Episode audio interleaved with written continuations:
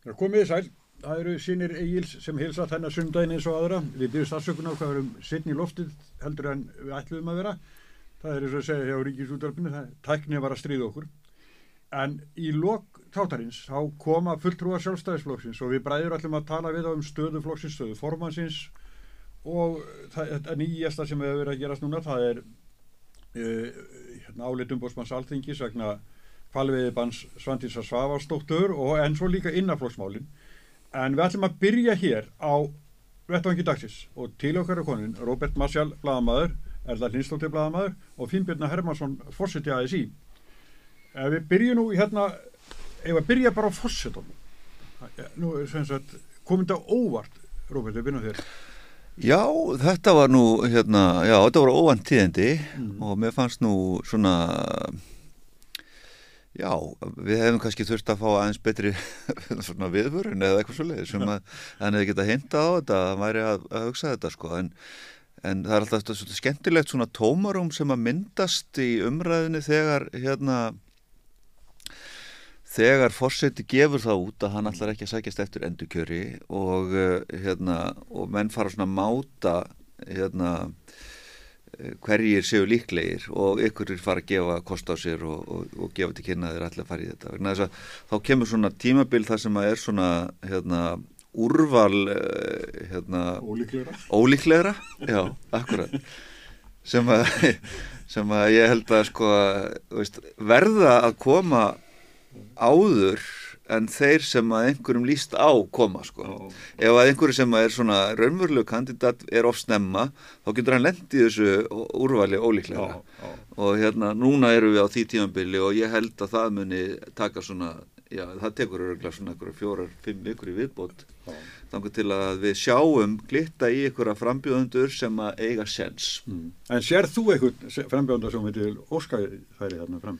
Ég, ég hef svona, svona verið að velta fyrir mér sko hvaða típa það væri sem að væri Já. gott að væri þarna sko og það, þessi einu sem ég hugsa sko og ég veit ekkert hvort að þetta er bara byggt á okkur tilfinningu sko. Ég held að það væri rosalega gott að þarna væri einstaklingur, annarkort karlega kona sem að væri, hefði mjög góðan skilning á ennbættinu og væri mm. ekki svolítið svona og, ég er ekki að segja að Guðni hafi verið þannig en ég er bara, sko ég er að segja að það væri mjög æskilegt að það væri ekki, það væri ekki mjög upptökin af því að vera vinsæl skilur við hvað ég á við, sko þetta ah. sé ekki eitthvað svona sem að þarf að finnur mikla þörf hjá sig til þess að sanna sig er eiginlega búin að því mm. og þá hugsa maður, já, sko væri ekki þá einhvers konar svona ykkur sem að kemur úr menningu og listum rítufundur mm. eða leikari eða sem að, sem að væri búinn að skila æfistarfi á okkur ákveðinu sviði en gæti hérna svona leitt veginn og væri þá með einhvers konar intak eða veganesti sem væri holdt fyrir þjóðina til þess að heyra. Og þá held ég sko að svona umhverfismál, e, e, jafnbretti og kannski svona að væri svona loðsokkur inn í það að vera ekki einhverju gengdarlausu lífsgæðakapplaupi og unga fólkið okkar ætti ekki verið ofta ekki að peningum og, og, hérna, og fermetrum og flottum bílum eða merkjavöru eða eitthvað slíkt. Eitthvað sem að myndi loðsokkur að öðruvísi heldur um pólitingin inn í eitthvað svona heilbriðara hérna, samfélag. Ég ætla að gera smá aðdafsend við þennan guðuna því ég þekkt það nú áður. Að mjög veist að bara sjálf og sér líkur í þessu ennvæti. Já, já. Mynd, þannig, hann er svona sko, gefandi maður sko. Hann er mjög gefandi maður og öllum líkar vel við Guðuna og ég hef átt mjög hérna, gott, góð samskipti við Guðuna á þessu kjörtíðanbili og mér varst hann vaksa mjög af því að já, bara að ákveða sjálfur á þessum tíðanbúndi mm. og þetta það er, það er kunst mm. að fara að sviðinu á meðan áhörvendur vilja ennþá meira og það gerði hann lista vel í þessu. En Erla, ertu samanlega mér að það væri besta yfir kona? Ekkert endilega.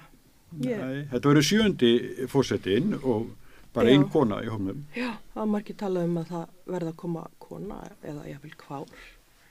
En ég held að kynni sér nú kannski ekki aðladrið.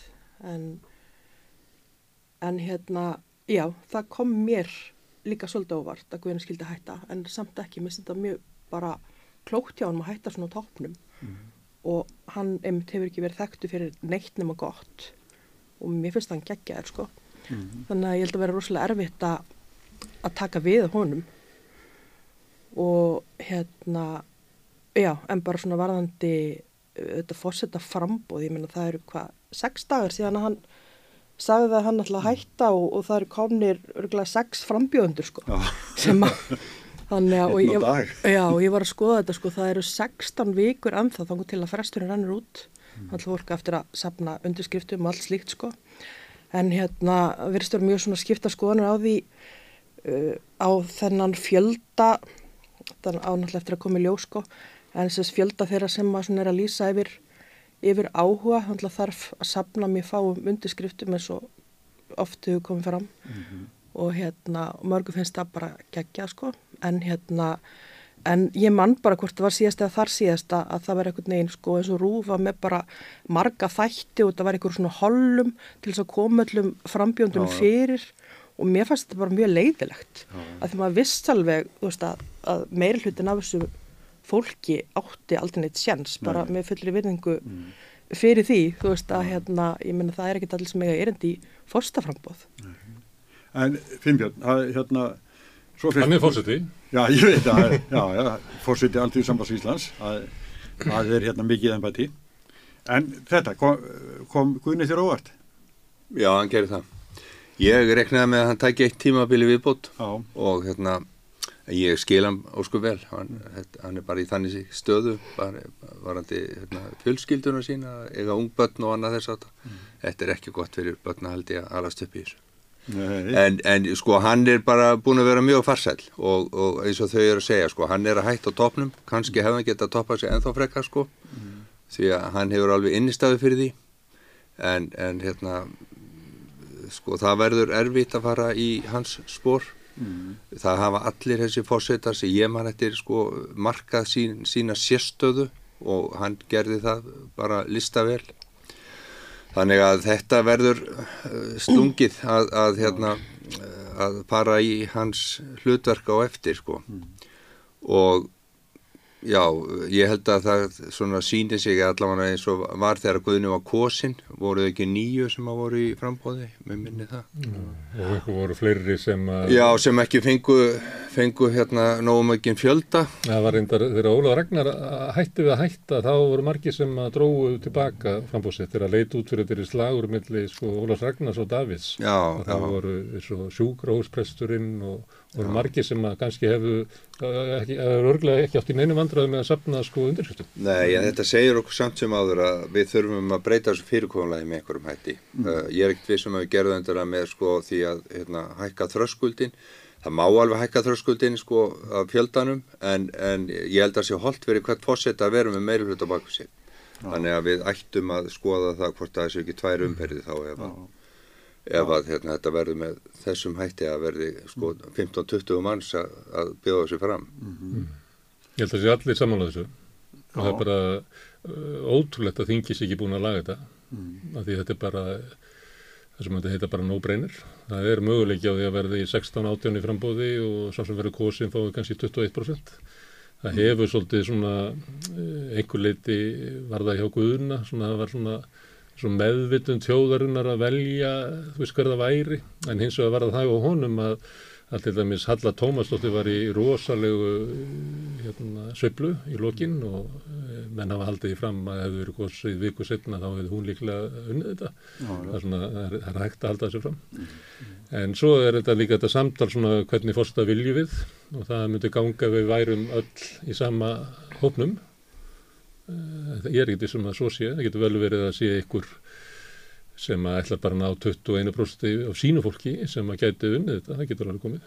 En ég er svolítið hrifin af því sem Róbert er að segja að fá svona, uh, svona visku, ég held að það sé það sem að í þessum vitlösa heimi sem við lifum í að þá væri fínt að fá eitthvað sem að segja svona krakka minni sko þetta við erum ekki á svona sem samfélag endilega á réttir leið í þessari efnisíkju og einstaklisíkju sem við erum í. Svona hvað heit hann ekki, Hóse Múíza sem var fórseti Úrokvæ. Írar hafa haft svona gamlan eh, hérna, fórseta sem að tala svona sem að, að og sumulegt er þetta rödd sem okkur er vanta, sko, kirkjan hefur ekki, biskupin hefur ekki komið með svona þessa rödd inn í samfélagi sem að að tala svona vit inn í okkur að, sem mótvægi við þetta svona þess að gló, við, við sem við allir eru búin að held ég að fá ógeð á, sko, glórulösa einstaklisíkju og efnisíkju sem að hefur verið að, er að kæfa okkur bara. það rýmið þarna held ég sko fyrir þessa rödd sko. hann vantar eins og þú segir sko. kirkjan er ekki að ná þessu pólitíkin eiginlega getur ekki verið þarna því að hún er svo hún er bara svo tengt svona verkefnum minn staglega lífs en hérna einhver sem að og ég held að við ættum einmitt að vera velta fyrir svo, okkur svolítið áður en að við verum að hugsa um personurnar bara einmitt þetta hvað ætti þessi næsti fórseti að gera og hvað vildum við fá frá hérna slíkri mannesku og þá kannski þrengist hópurinn og valið verður einfaldara ef við, ef við sjáum þetta. Ef að við erum við lengur, við getum tala okkur niður á niðurstöðu sem að, að sömuleiti þá eru við að, að klopna eins og allar aðra þjóður. En að því að voru að segja að fara í, í að koma eftir uh, Guðuna, Guð, Guð, Guðni hafði það verkefni að koma eftir Óla Ragnar Grímsinni og Óla Ragnar hafði það verkefni að koma eftir Vítísi Finnbóðdóttur. Þannig að það er, það er, það er engi sem getur komið einhvern veginn eftir fórsetunum og orðið eins og hans. Sko. Nei, það er líka svolítið gaman að velta fyrir sér fyrir ekki, að, sko, að hvernig þetta gerist sko. því að hérna, Ólaf Ragnar þetta var pólitíkus og, og ég var hérna, í alltíðbandlæðinu og, og, og, og tók þátt í hans kostningabaróttu þarna 96 og hérna sem svona fótgönguleiði Hann já, já, meðal annars. Og hérna, meðal annara og, og hérna og það, þar auðvitað býr Ólafur Ragnar til hóp sem að sækir hann. Það er að segja Ólafur eiginlega bara sækir sig sjálfur. En það er svona síðan aðri frambjöðundur sem hafa komið fram síðar sko þar, þar eru þetta yfirleitt okkur hópar sem fara og ná í einhvern og sannfæran um. Út af því að við held að við séum öll rosalega svona, það er svona bínliti sammála um það að sá sem að langar eiginlega rosalega mikið inn í sér til þess að vera fórseti, hann eiginlega nulli sig bara sem mögulegur hérna, kandidat. Það þarf eiginlega að vera einhver sem að er sannfærður af öðrum um það að við, nú þurfum við hann að stíga fram og, og gera þetta. Þannig að hérna, nú þurfum við svona svolítið að sjá líka, mun það gerast núna, verður ykkur hópur til sem að segir, heyrðu, við þurfum eiginlega að setja stöld saman um, niður hérna um það og ákveða það að þessi tiltekni einstaklingur sé Ólaður Ragnar, Ólaður Ragnar mætti svona ströng barata gegnunum á heilsíðu auglýsingar sem að fólk var varað við að, að kjósan og þannig að þetta var hörku kostningabarða þá. Já, sko Ólaður Ragnar tókst að hérna, nýta tímabundin á þessum, þessum skrýtna tíma sem að varða mellir þess að hann hætti sem formadur aldriðubandalagsins hérna 95 og Margaret Frímans tók við. Og hann fer svona einhvern veginn að hérna hann er nýbúin að gefa út þarna útflutningsleiðina og hann fer að svona sækja meira í, í, út í heim og nýta sér sín tengsl og annað slíkt. Og það, einhverju hafði séð að það gagnaðist businessnum á Íslandi. Mm. þannig að hann náði svona fótfestu hjá mjög óvæntu hérna já, já, já.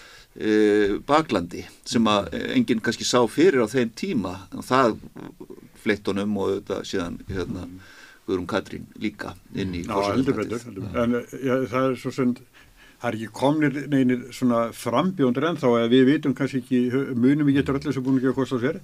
Svo er eitt af því að móta þessum auglýsingum, Já. það er ef einhver vill ekki að einhver sé fórseti, þá er þetta ekki klók leið. Nei. Því að það er svona hluti að fórsetakostingunum er alltaf sko eins og Áskir Áskirsson held ég að við sagt hérna þjóðin kýs fórsetan. Mm. Þannig að sko auðvaldið eins og var í þessu tilfelli, ætlar að einhvern veginn að fara að skipta sér fórsetakostingum, mm. það er eiginlega besta sem Ólafur Ragnar fekk sko. Það er alveg sko kostningabaróta Áskils Áskilsson var alveg stórkostlega sko því hann hafi verið bæði framsókn og, og aldriflokki, verið forsættisræðara og sér að Bjarni Jónsson var á mótónum og það var svona sjálfstæðisflokkur og framsóknflokkur sem íttu sér að Bjarni í, í prókjörið og þá gæti Áskil talað um sko að hann væri, að Bjarni væri svona frambjáttið pólitíkurnar mm -hmm. en ekki hann sem hafa búin að sitja á þingi og vera ráðin í tveimur flokkum. En það gæti svona svo við sko og sagði þetta sko að fólki sé velur ráðar en ekki nei, fórsetarinn ekki, ja, ekki. Ja, ja. Herðu, en hérna Finnbjörn. Það er mikið að gerast á félögu þínum.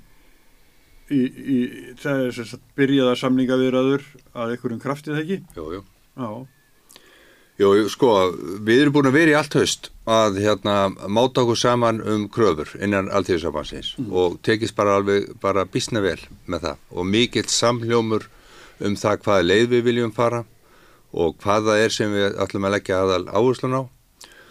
Uh, síðan þegar kom svona endapunktinum að uh, ræða launaliðin þá voru skipta skoðanir um það hvernig menn vildu fara í hann mm -hmm. og það, þarna, það kom að því, þeim tímapunkti að ég taldi að við kæmust ekkert lengra og, og þarna, saði bara á síðasta fundi að nú myndi bara hver og eitt skoða stöðuna í sínu baklandi Já.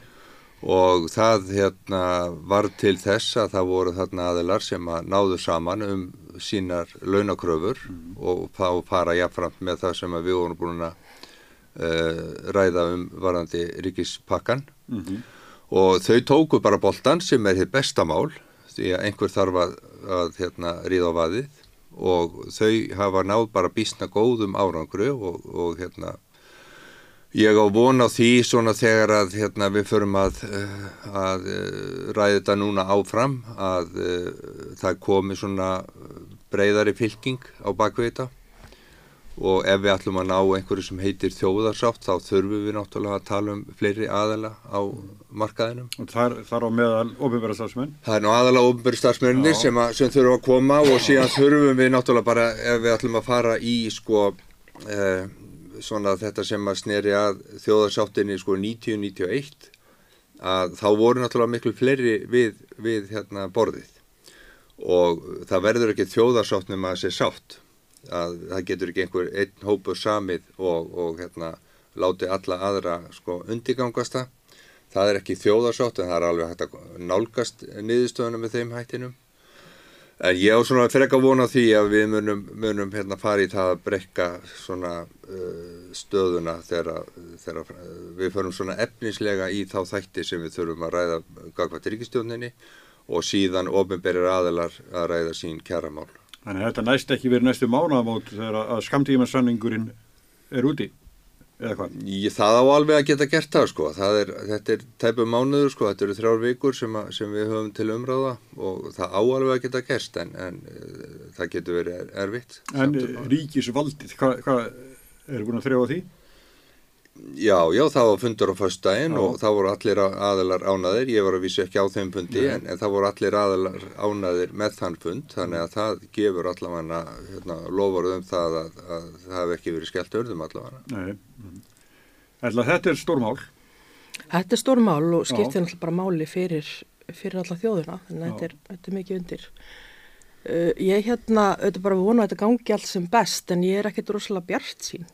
Nei. Mér finnst einhvern veginn sko, ég menn eins og mér finnst ríkistjórnin bara svolítið svona hafa skellt við skolleirum í Ísöllu og ég veit ekki alveg, mér finnst bara ástandi í samfélaginu líka kannski þess eðlisa að hérna það verða ekkit auðvelt að ná fram svona því sem að æskilegt væri fyrir launafólk mm. og hérna og svo er þetta náttúrulega, minnum bara alls konar atrið sem að þú veist, eru þarna undir, ég minna bara eins og húsnæðismálinn sem að, að hérna eru bara í algjöru ruggli núna. Já, já, já vantar þúsundur íbúða. Já, já, það er ekki sko, það er ekki eins og lengur þannig að það sé dýrta að verða sér út um húsnæði, hvað svona það kaupa eða leiði, heldur bara, er ekki húsnæði í bóði og já, og þannig leitt sem kemur inn í þetta, þú veist, heil, heilbreyðsmálinn þú veist, velferðamálin heimilisreksturinn er við erfiður. Já, já. Mm. þannig að, já. En það verður bara mjög spennandi að fylgjast með þessu. Mm. Róbert, það er nú gaman ef, ef að þetta gengi og, og, og verðbólka myndi lakka og, og þjóðu myndi losna undan þessum íþingjandi afborgunum og vextum og já Við erum auðvitað sko, ég með stjórnvöld, þegar talaður um stjórn, aðkomi stjórnvölda að, að kjærasamningum og þjóðarsátt, auðvitað hljóta stjórnvöld sem að standa fyrir óbreyttu ástandi í gjaldmiðilsmálum mm. sem, sem að verja í sífellu hérna, uh, hag, bara hagkerfi sem er svona seiflukent mm -hmm. og hérna, sem að innibera það er bara rosalega áættu samt að, að lána út peninga mm. sem þýðir það að við erum alltaf með herri vexti og verri kjör. Og þegar við erum í þessari sveiflu og þessum verðbólgu þá er, auðvitað bara er það eitthvað sem að bytnar á þeim sem að sískildi það er þeir sem eru tekjulegstir það eru þeir sem eru að koma sér á stað út í lífið. Og það sem að hefur breyst breytingin sem að ég held að, að tímamótin sem að þjóðin svolítið stendur á í þessu er að við höfum svo rosalega gott aðgengi að samanburði veist, mm. unga fólkið okkar á svo, það er svo stutt að sækja í, Já. hérna, bara sjá hvernig lífið er annar staðar og hvernig, hérna, hvernig lægri vextir og, og lægra matarverð og hvernig það byrtist í auknum lífsgæðum hjá, hjá, hjá venjulegu vinnandi fólki. Þannig að veist, ef að við ekki bregðumst við og ef við ekki reynum aðeins að sjá fyrir okkur til lengri tíma hvernig við getum tryggt einhvern stöðuleika, betri vakstakjör, betri veist, aðstöðu fyrir ungt fólk til að koma sér þakki yfir höfuðið þá þetta verður bara hér svona hérna, atgerfisflótti fólk fer bara fólki ég held það sko og ég held líka annað sem að breytist í þessu þegar þú kynni mig hérna einn sem, sem bladamann sko ég er auðvitað ekki starfandi sem bladamæður nema litlu leitið að því veist, að ég gef út eitt útíðustu tímaritt sem að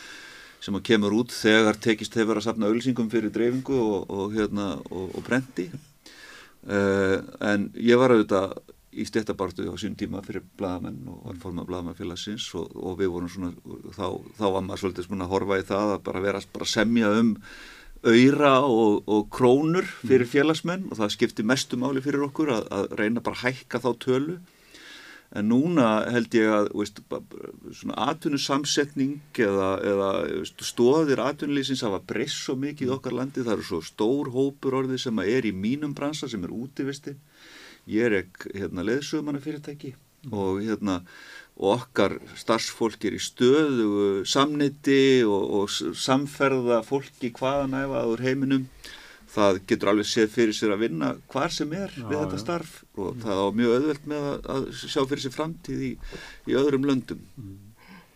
þannig að ég held bara að, að hérna, ef við ekki svörum stóru spurningunni ætlum við að vera áfram bara láta eins og ekkert ískor, hafi ískorist ja. með þessa krónu og halda henni bara svona og hérna þá auðvitað, þá þurfum stjórnvöld að útskýra hvernig þau ætla að bæta kjör fólks En atgerðisfluttin er, er farin að býta okkur þannig að þessu helbæriskerfinu það er bara hérna... Vanda stórkursla fólk. Ég sá eitthvað, held ég að vera á Facebook, unga mannesku segja eitthvað svona, ja, mér langar að, hérna, eignast húsnaði, allir sé ekki besti flytið til útlanda. Mm. Það var eiginlega frumskiliði, sko. Allir eignast húsnaði, það var að byrjaði að flytja til útlanda. Því það er ekki hægt í reyma. Já, en sko, húsnæðismálin er náttúrulega einna stærstu þáttónu sem við erum að ræða núna. Og, og það er alveg ljóst að við erum komið langt á ettir í bygging og húsnæði. Mm. Uh, þetta er mjög margslungi mál sem, að, sem við erum við, eigum við að eiga og það sem er eiginlega erfiðast hjá okkur, það eru lóðamáli mm -hmm. og það er lóður sem eru til staðar núna, það eru lóður sem eru það dýrar að það er engin almenningu sem getur keftar það er íbúðir sem á þessum lóðum hérna, verða.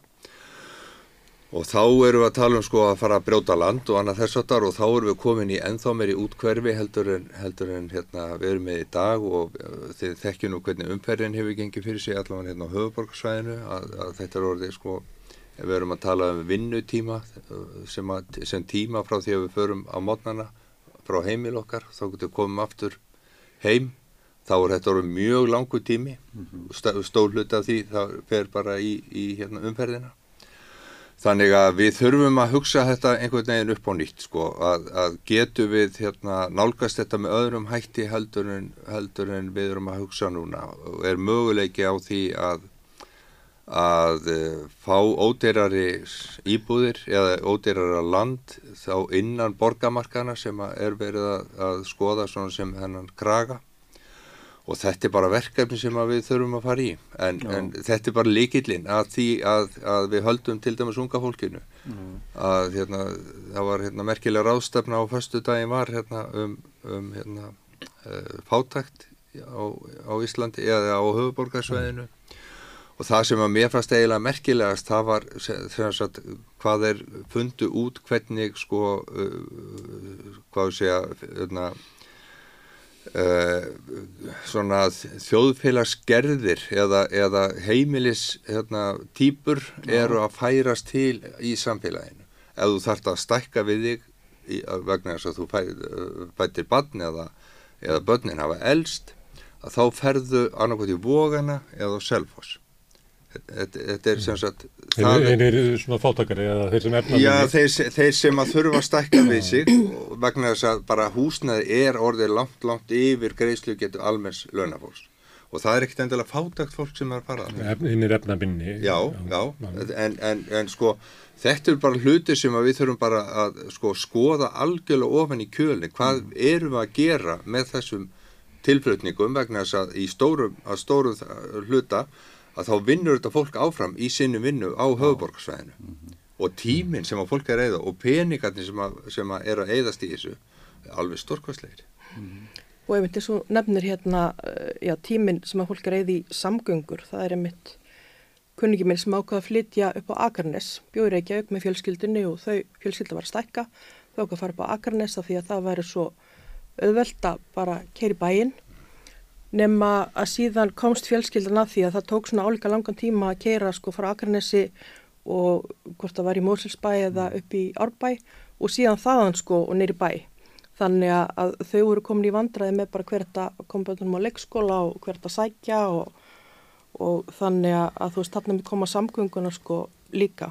En hérna en varðandi þú veist þessar lóðir og, og lofurðum ykkur uppbyggingu Já, mér finnst sko svo mikilvægt það, það er bara búið að svíkja svo margt. Það er einhvern veginn, þetta endar svo oft með ykkurum fögurum fyrirheitum og síðan bara er ekkert staði við það og hérna en bara svona lítið eða kannski ekki lítið dæmi samstöðunum mitt hafi fjalla fyrst um það var hérna þetta húsi Bríðatúni sem að Reykjavíkuborg uh, stóð uppbyggingu að það sem átt að vera íbúður fyrir bara velett fólk og síðan sko er þetta núna að stærstum hluta, hvort þetta er leigufélag þetta er Hótel. já, hótel, þannig að þetta er allt allt önnur demografía sem er, er þarna heldur en átt að vera.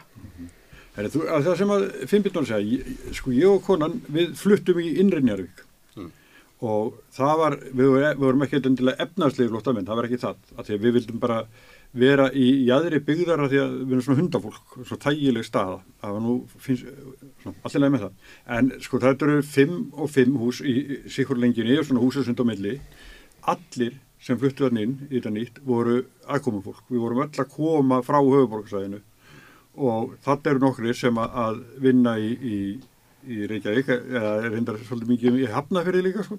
en þannig er svona dæmi um það að ég ætla að segja þetta í sama brefi það að það sem að, að flugbjörgunarsveitin er þar er lóð sem að einhver var búin að fá útlutað eða eh, vann eitthvað útbóð upp á 751 miljón 751 miljón og, og hann selur hana aftur.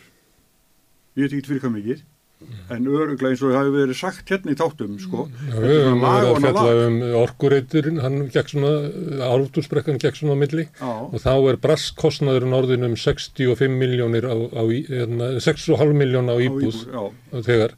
Hann hérna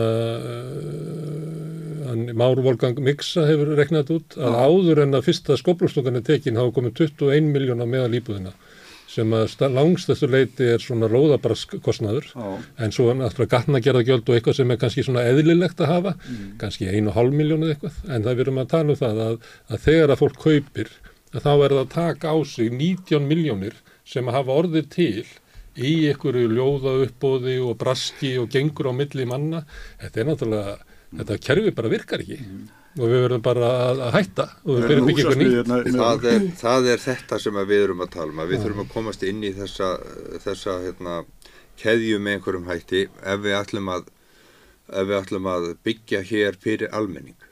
Annars verðum við bara að horfa til þess að við erum að byggja fyrir almenning bara í nágrannsveitafélagunum og ég held að það sé ekki það sem við viljum sko.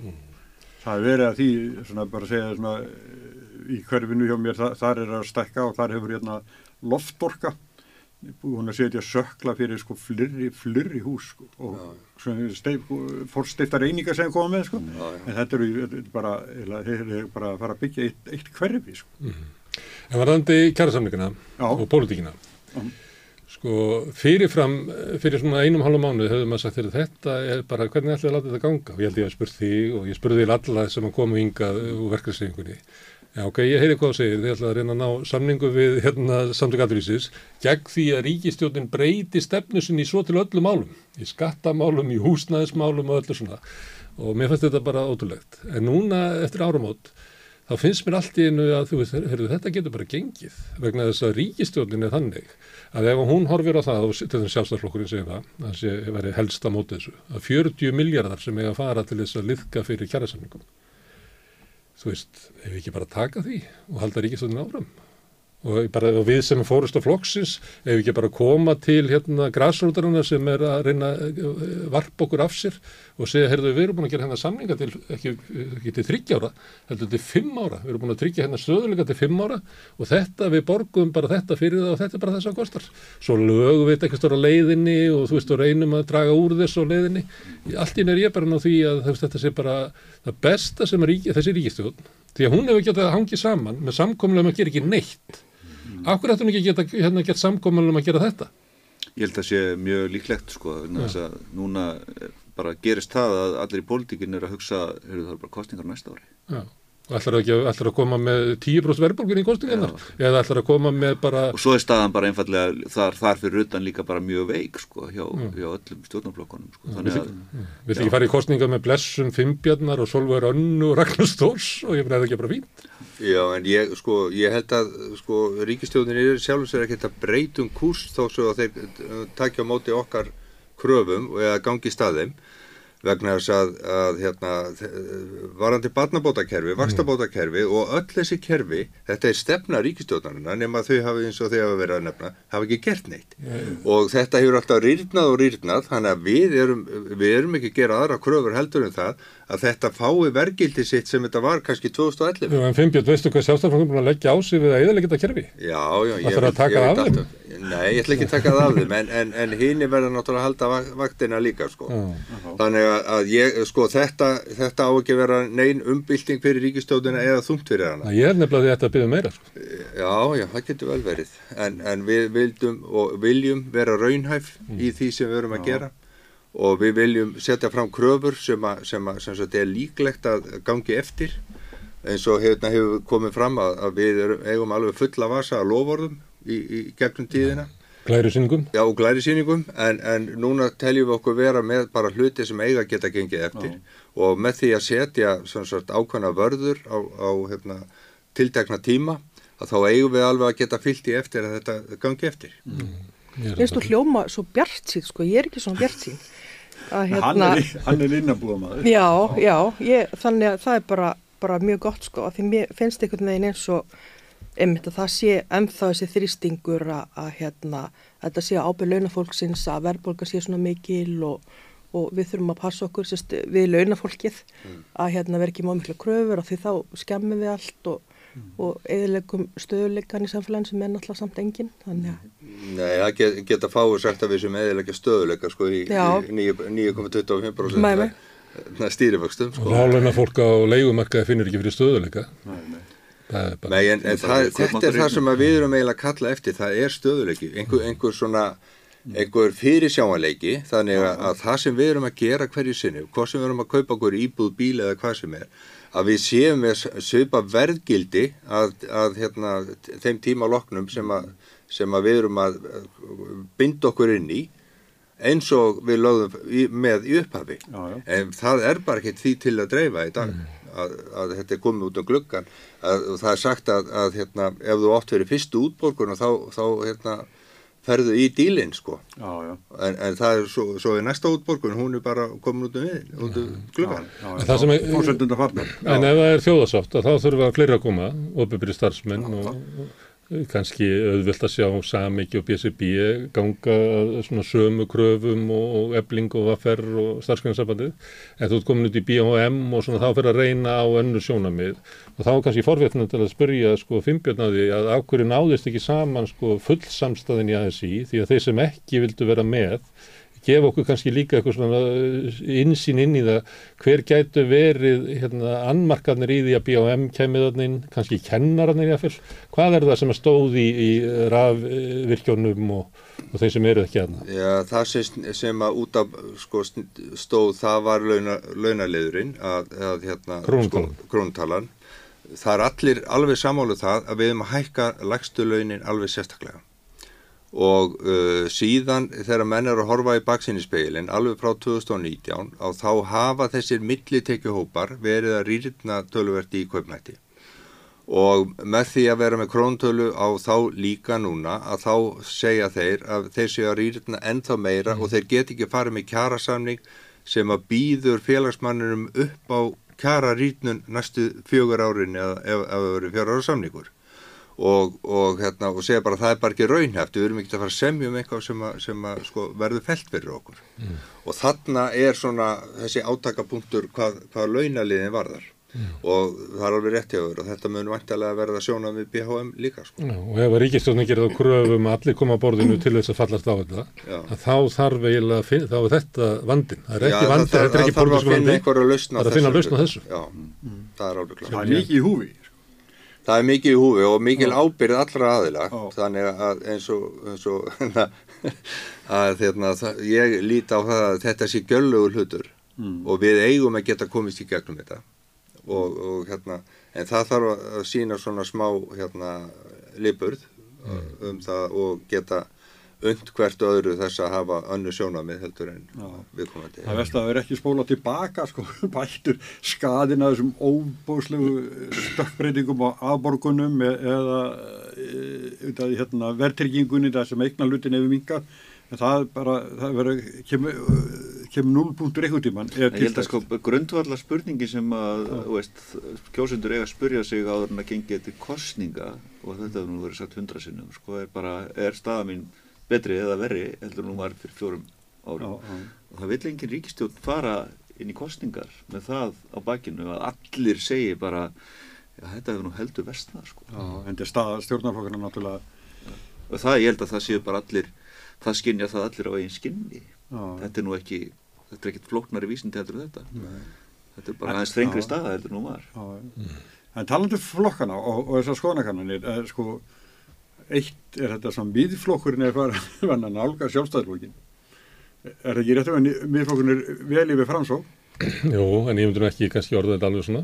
En, en hann er að hækka og sjálfstæðarflokkurinn að minka þannig að það er að minka bilið á millið þeirra. Já. og miðflokkurinn er sá flokkur sem hefur verið að vaksa undarfærið því að þótt að samfélgikinn bara heldur flugi, hún er ekki að vaksa kannski í síðustu þrjá fjóra mánuðina, hún er svona en það er miðflokkurinn sem er að bæti í sig Já. það er eiginlega fréttirna svona undarferðið mm. Ég held að sé sko vegna þess að þið að fá okkur sjálfstæðismenn hérna eftir sko ef ég ætti að skrifa bókum stofnmála ástandi í dag þá myndi ég láta hann að hitta þess að finnst það vera svona Og ekki spurningum ekki?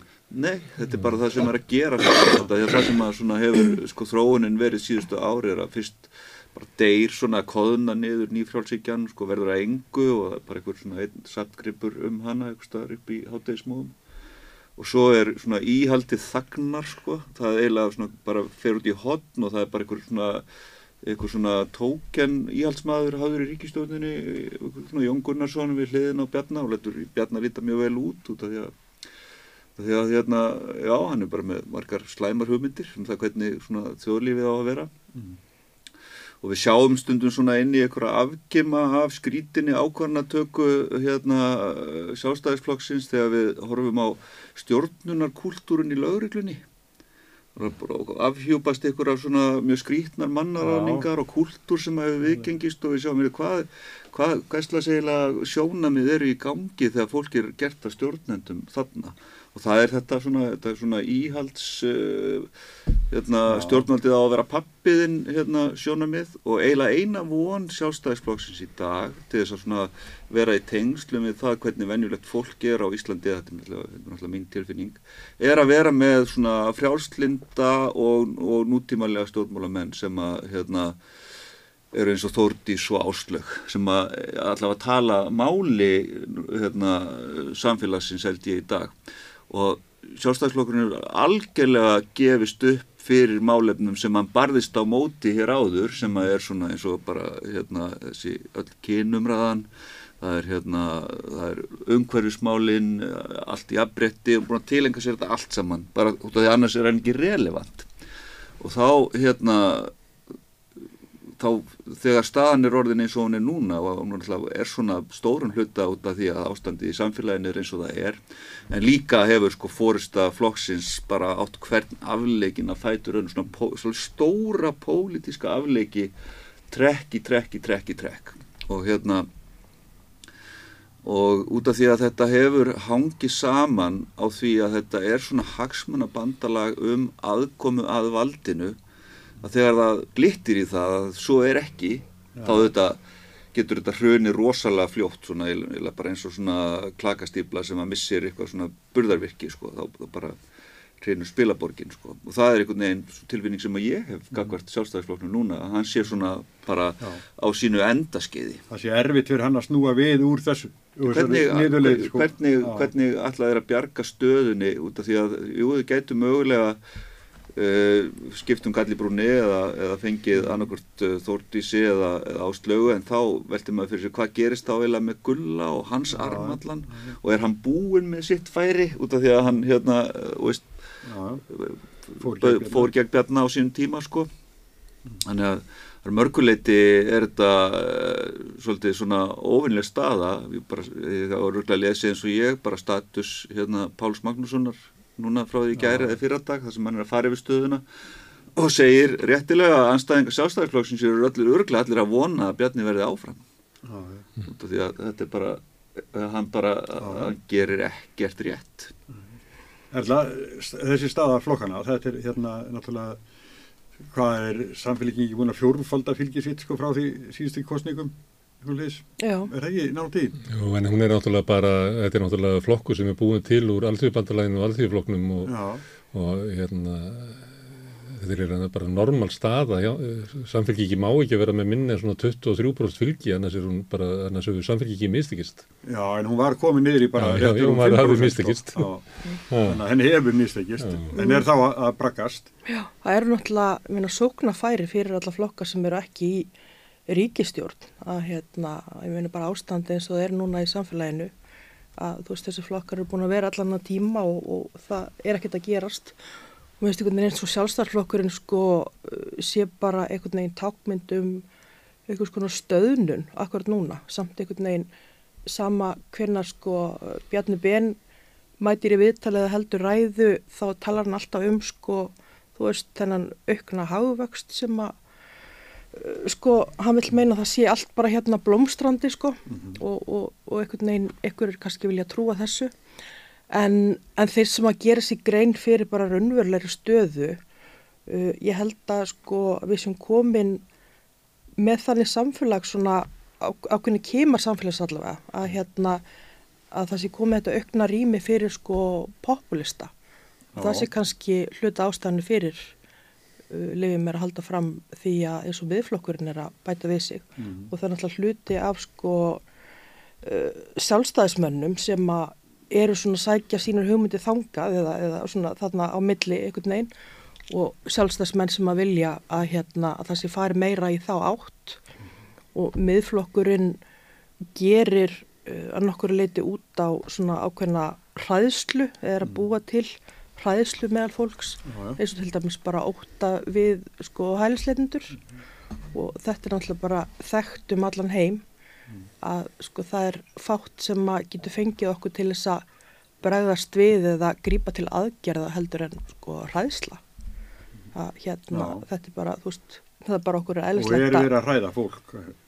Jú, ég vil meina, meina það. Ég meina það, það er verið að halda fram sko alls konar bara ósönnum hlutum fjallum í fjölumölum sko gegnum tíðina og til dæmis sko eitthvað dæmið þar sem einhver maður einhver hælisleitandi ég þetta var einhver saga sem var byrt sko í mokkanum skils mér að hælisleitandi hafði þarna verið að kaupa sér einhverja geimasýru til þess að mögulega skvetta á einhvern en þa- þegar síðan var, vera, var farið að skoða þetta þess að einhver aðri blað með síðar þá var hann bara að fara að gera við eitthvað eða sem sagt. Já, Þú já, veist, þetta var bara algjör tilbúningur sko. Já.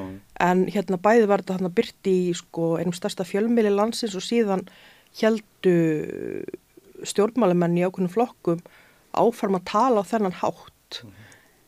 Og Vitandi það að þetta var ekki rétt. vitandi að Já. þetta var ekki rétt. Og allavega voru ekki mennin að staðfyrst hvað þetta var rétt sem að kannski svona grundvallar atrið En Bjarni skaut svona púðuskoti hérna á bestastaftröpunum. Það var svona bóða það að, að sjálfstæðarflokkun ætla að fara svolítið þessa leið. Smári, þú er, er ekki rétt hjá mér? Fylgir hefur ekki aukist við þetta. Nei, við spáðum við hér að, að þessi umræða myndi stakka við flokkinu ekki sjálfstoflokkinu. Mm. Því að sjálfstoflokkurinn getur ekki svona deliverað á þessu uh, fórsöndum og það er líka, ég veit ekki hvort að sé að því að við talaðum svona Jón Gunnarsson og fleiri, það hafa verið fleiri sjálfstæðismenn sem eins og Brynja Níelsson eða Sigurður Andersen, þetta er ekki fólk sem hefur hérna, riði feitum hesti úr prófgjörunum, þannig að ég veit ekki alveg hverju stuðningurinn sko inn í flokknum, Nei. hvort að flokkur sé orðin svona þordísarflokkur mm. eða reyndar heyrið sem að stundum í, í þessu sem að eiga að vera frálsöndum megin að þeir séu svona byrjar að hljóma líkar í Jónu Gunnarsinni undanferið þannig að flokkurinn er svona í einhverju tilvistar greppu að þessu leiti mm. en hins vegar er allir sko stjórnmálflokkar orðinni populistar sko. Ég held að populistanir kom ekki að utan sko. Það eru það er alltaf verið að bjarga okkur frá okkur óg sko. Ef það er ekki hérna, heimsfaraldur þá er það Úkrænustríðið og Pútin eða verðbólgan eða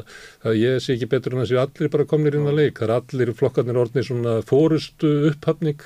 Vafgi og samfélkingin og, og Sigmundur náttúrulega þannig að við erum bara komin inn á og við sjáum það bara í Evrópu all úrstilt kostninga, við erum komin inn á tímabil hérna populismans mm. og gömlu flokkarnir þeir eru ekkert minna populískir heldur en nýju sko. Nei.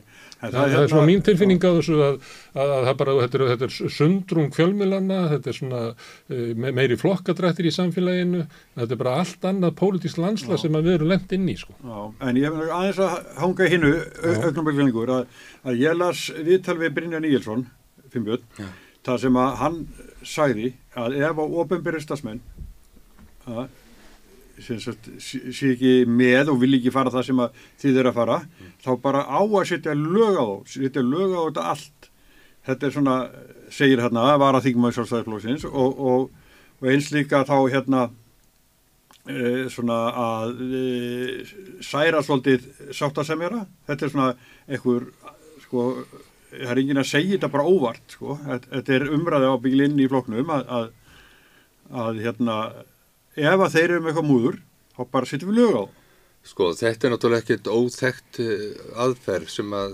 þarna er verið að beita sko. Það eru sendið svona undan, undanfarar. Tindáttar einhverjir? Einhverjir tindáttar til þess að setja svona hluti fram til þess að testa hvernig, hvernig hérna, viðbröðum verða. Eh, það búið að vera mikil umræðum til dæmis ríkistátt sem vera því að nefni hann Já. og hvaða vald hann eigi að hafa. Ríkistátt það sem er í gegnum tíðina hver sem hefur gengt þeirri stöðu hefur bara hérna sko parnast alveg ágætlega með þau lög sem að eru í dag. Já.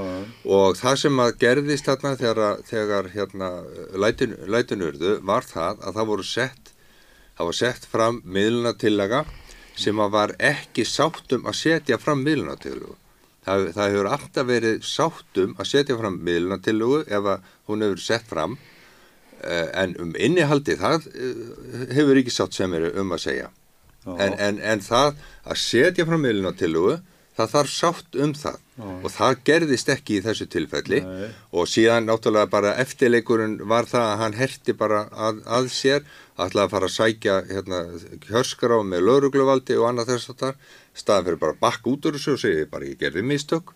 Þá held hann bara áfram að gerði fleiri vittlisur en þetta segir ekkert um það að, að lögin sé ekki alveg í lægi um ríkisátt sem er að Mm. Þannig að þarna er bara að vera að skoða hérna, möguleikan á því að fara að breyta á lögunum mm. sem að ég tel enga þörf á að, um, um þessa myndir. Og varðandi það að fara að setja lög og ofnbæra starfsmað þá, þá er það sko að vittlusta sem maður gerir sko. Það, við erum í frjálsu landi og eigum að vera með, að vera með frjálsa kjærasamninga og það er oft verið að sko vittna í sko norrænu löggefina og, nákvæmlega sko norræna löggefin hún býr við það að við erum alltaf með ákveðin fyrirsjámanleika þar.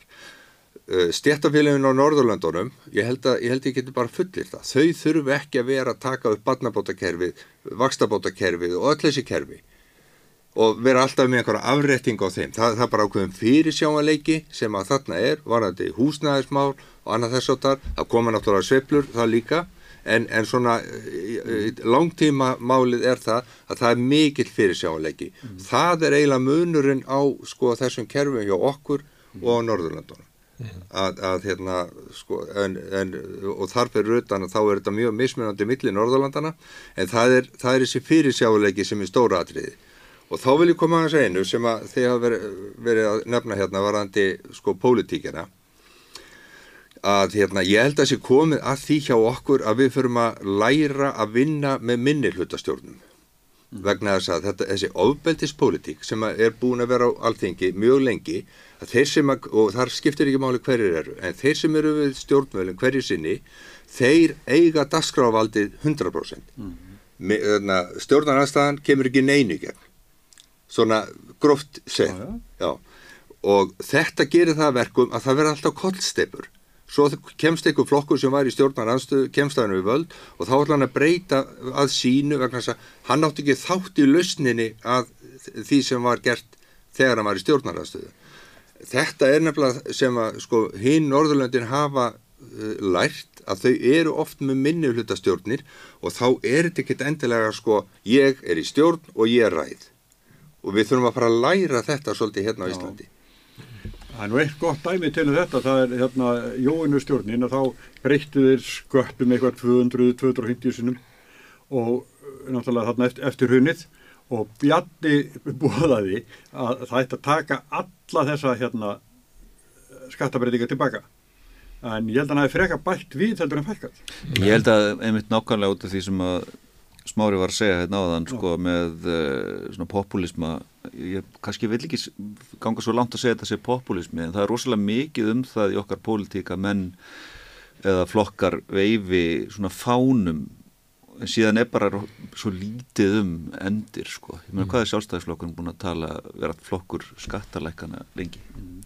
og eru ekki búin að vera í ríkistjórn meira og minna ættu verið ekki að náða, hafa náða minnstakosti að læka skatta um hálf prosent ári eða eitthvað, það var það ómikið en þetta bara, breytist ekkert í 50 ár sko, ég menna þetta er bara nákvæmlega það sem þetta hefur alltaf verið og, og svo eru jafnæðamenn að tala um uh, að berja skegn og jöfnuði og við erum bara alltaf í sömu stöðu hvað það varðar, það, það hérna bara, við helst ójöfnuður eða bara hérna eða, eða ekst mm og svo eru umhverfismálinn og einhver heldur á þeim fána og, og það gerist ekkert í því og, og, hérna, og það er bara meira og minna er þetta svona tákgrænt sko. mm þannig að hérna hvort sem að það er og ég held að sé sko alveg mesta garantíi er náttúrulega að það gerist sko eiginlega ekki neitt þegar framsókn og sástæðisflokkurinn eru við völd það er svolítið bara þeirra agenda þegar það gerðist náttúrulega hellingur þegar sko. þeir voru við hérna við völd sko. það voru eignaskattar aflæðir, það voru afstöðugjald fyrirtækja var aflagt, fjármastekjuskattar var bara kerður hún í gólfið tekjuskattu fyrirtækja var kerður hún í gólfið.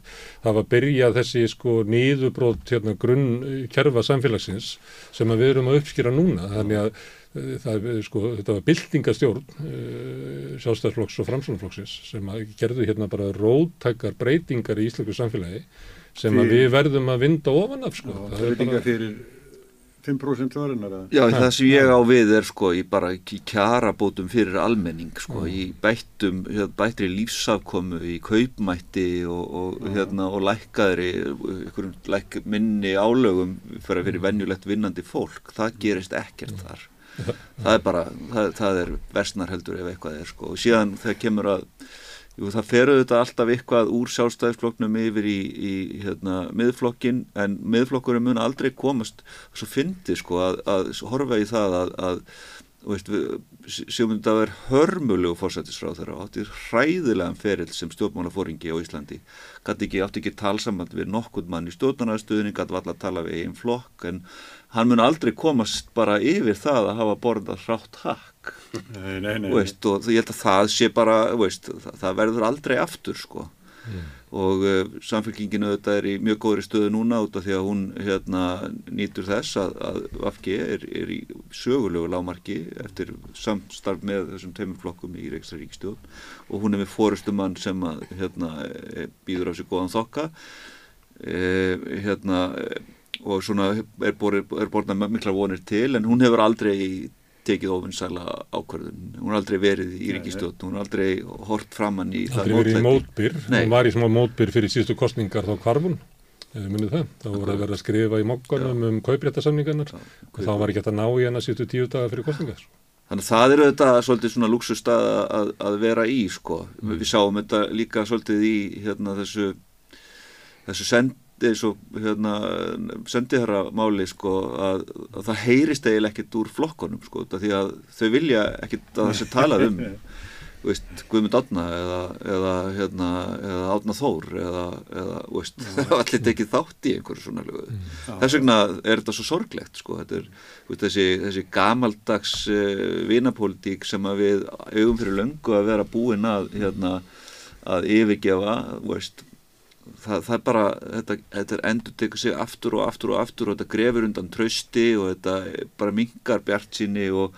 og von okkar og, og hérna um það að við getum í raunvorulega tekið höndum saman við og verið við mm. veist, og hérna og, og náðu einhverjum árangri. Það sem að býr til populisma alls þar í heiminum er vantrú almennings á stjórnmála kerfinu Já. og hérna er bara verið að benda á ágallana eins og uh, Finnbjörn bendir á að sé ekkit uh, að því voru með písa núna í höst Já. það er svona dæmi um það sem ætti að vera mál sem er list í einhverju svona þokkalegri sátt en við erum alltaf að fá nýja og nýja mentamálráður sem koma með einhverja nýja stefnu og svo veist kennararnir og þeir sem eiga að sinna þessu er eiginlega að verða eh, vittlausir á þessu. Að það er alltaf verið að spreita stefnun í staðin fyrir að sé að verið að byggja upp kerfið eða einhverju festu. Með þess að OECD er byrjað að segja að Íslands stjórnvöld hættið að breyta stefnunni reynið að halda kurs í eitthvað smá tíma og sjáu hvað kemur út úr þessu Þannig að, veist, þannig að menn mega að deili í pólitík og taka svo hérna, afgerandi stefnubreitingar eftir kostningar eftir ykkur vinnur.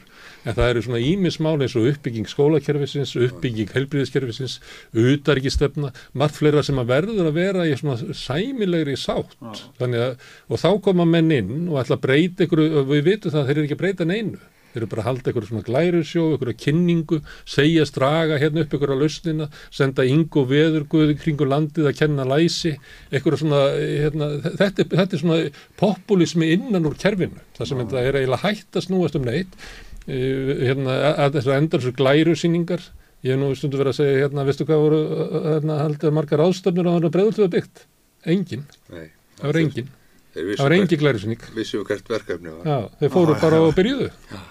En núna eru við með stjórnvöld sem eru linnulösa fundi, linnulösa glærisningar og fá bara tilfinningarlega útráðs á þeir fundi og fara heim í ráðrabílum og finnst þeir eins og það hefur gert eitthvað. Mm. Þeir eru ekki búin að gera neitt. Nei, nei. Ég held að, að þetta sé vandamál. Ég held að séu ríkið sé alltaf með sumu glæruna. Ég held að þetta sé vandamál sem, að, ég veit ekki hvort að Róbert er náttúrulega búin að vera á þingi og þú varst eh, blaða fulltrúi ríkistjóðaninnar. Mm. Uh, ég held þetta í sé COVID, í COVID. Já, og það var, það var líka ríkistjótt sem að ætlaði sér að, að laga samskiptin við hérna, minni hlutan á þingi leiðið þeim að vera með fleiri formen í stjórnum var, var skrifað inn í stjórnarsáttmálan 2017 um að, að lifta stjórnmálunum og alþingi og eitthvað fleira þetta er bara allt búið að gleymast ah. og ég finna við erum bara í sömu stöðu með tröst almennings á stjórnmálum og stjórnmálakerfinu eins og við vorum bara strax í raun ah. það hefur eiginlega ekkert barnað Nei Já, ég minna við erum, sko, það sá árangur sem að uh, þó er hægt að nefna, sko, er, og, og Katrín getur talað um sem fórsættisráð þegar er í afbryttismálum mm. í þessari, þessari hérna, kynrænu umræðu allri og, í, og það, það verður ekki afinni tekið en hún er auðvitað, hún sögulega einstöka þýlitum til að vera sennilega með betri fórstættisráðurum sem við höfum haft, ef ekki svo besti. En hún er í mjög ómisallir ríkistöld sem, mm. hérna, sem að bara einfallega er ómansell út af því að það fólk upplifir það á eigin skinni að staðan er ekki góð. Má ég spyrja því að þú varst í þessari stöðu að því að uh, hægri minn eru svolítið að tala þannig um fórstakostingarnar að, að nú eru bara menn að býða eftir því að sjá til hvort að Katrín allir fram og ef hún fyrir fram að þá múnum verða fórsti. Hvað finnst þér um þetta Róbert? Fyrir að fyrsta myndi þetta mér það mjög ólíklegt að hún hefði áhuga já ég held að það muni bara ekki gerast og hérna og allt þetta talum að veist, sjálfstæðismenn séu núna ráðaráðum sínum og halda þinglósfundi og fari við stöðuna og eitthvað annars líkt er bara þeirra leið til þess að búa til stöðu fyrir það sem að eftir mhm. kemur mm. sko til þess að rjúfa eitthvað af það sem að þeim finnst vera kyrstöðu í, í, hérna, í raforkumálum eða eitthvað slíka. Við mögum aldrei rugga þessum báta meðan staðan er eins og hún er núna sko. Ég menna þeir eru í sögulegu lámarki í konunum, samfélkingin í ótrúlegum hæðum og það er engum sem þykir vætna um, um völd en þingblokki sástæðisflokksins Já, það mæta einhverju fulltrúar hans hérna á eftir hjá okkur, mm. setni í dag, en ég ætla að þakka ykkur öllum fyrir komuna, Róbert, Erla og Finnbjörn. Og Brúðu, hvað er næst í okkur? Já, það er hérna að við erum í svona smá teknilum erfileikum, við vitum ekki alveg, allir kannski verður að við tökum aðeins Tökum smá spjalla og menna setjum verðum að býða til sjálfstæðismennunum, Já, en við ætlum að, og ég tók eh, viðtali í gæri gennum Zoom sem að við náum mögulega inn í að veita bara ekki, kemur í ljós. það verður að vinna í því. Ég hefði viljað vera viðstættur þegar þið fu- funduð nafnið Sinir Við ekki. Við ekki. ekki. Það er- Það var að... Sigurjón kann að segja þessa sögu. Já, það var þannig sko að þarna við vorum eitthvað að tala saman, þá var Ari Edvald 365 og Smári var farinn sko. Já, við erum svona Og- vinnur og félagi smára heldur Já, en þá, þá hérna, þá, eh, þegar Egil Helgarsson fer frá stöð 2 yfir á Ríkisvangfið með Silfur Já, maður og þá var hann eh, hérna eitthvað eh, pirraður og sagði hérna, nei þetta er reyndar aðeins einna reyndar, Mm. en hann segir svona eitt hann svona þessi aðtekli sem þetta Silfur Egils hefur og segir við verðum að svara þessum einhverjum hætti, já hvaða talaði bara við smárabrúðin og þið komið hérna að vera með sín Egils. Þannig var þetta til þetta en Nú er Ari að hugsa um að kaupa bylgjuna og vísi og hvernig líst þér það, Robert? Ég, ég ekki Já. jú, hann er hérna. Sín vill selja fjölmjölar hlutan út Já, og já, Ari er að sapna fjárfestum. Já, ég, ég bara hef enga skoðun á því. Gerir hann það þá bara Ég, hérna, ég, já, og verða nú góðu. Það er hann góðu. Herði, já, já, við vorum búin að- að þakka fyrir, að taka ykkur fyrir, við hófum eflaust í ykkur einhvern tíman aftur. Takk fyrir komuna, en smári, við sýtum eftir. Já, takk.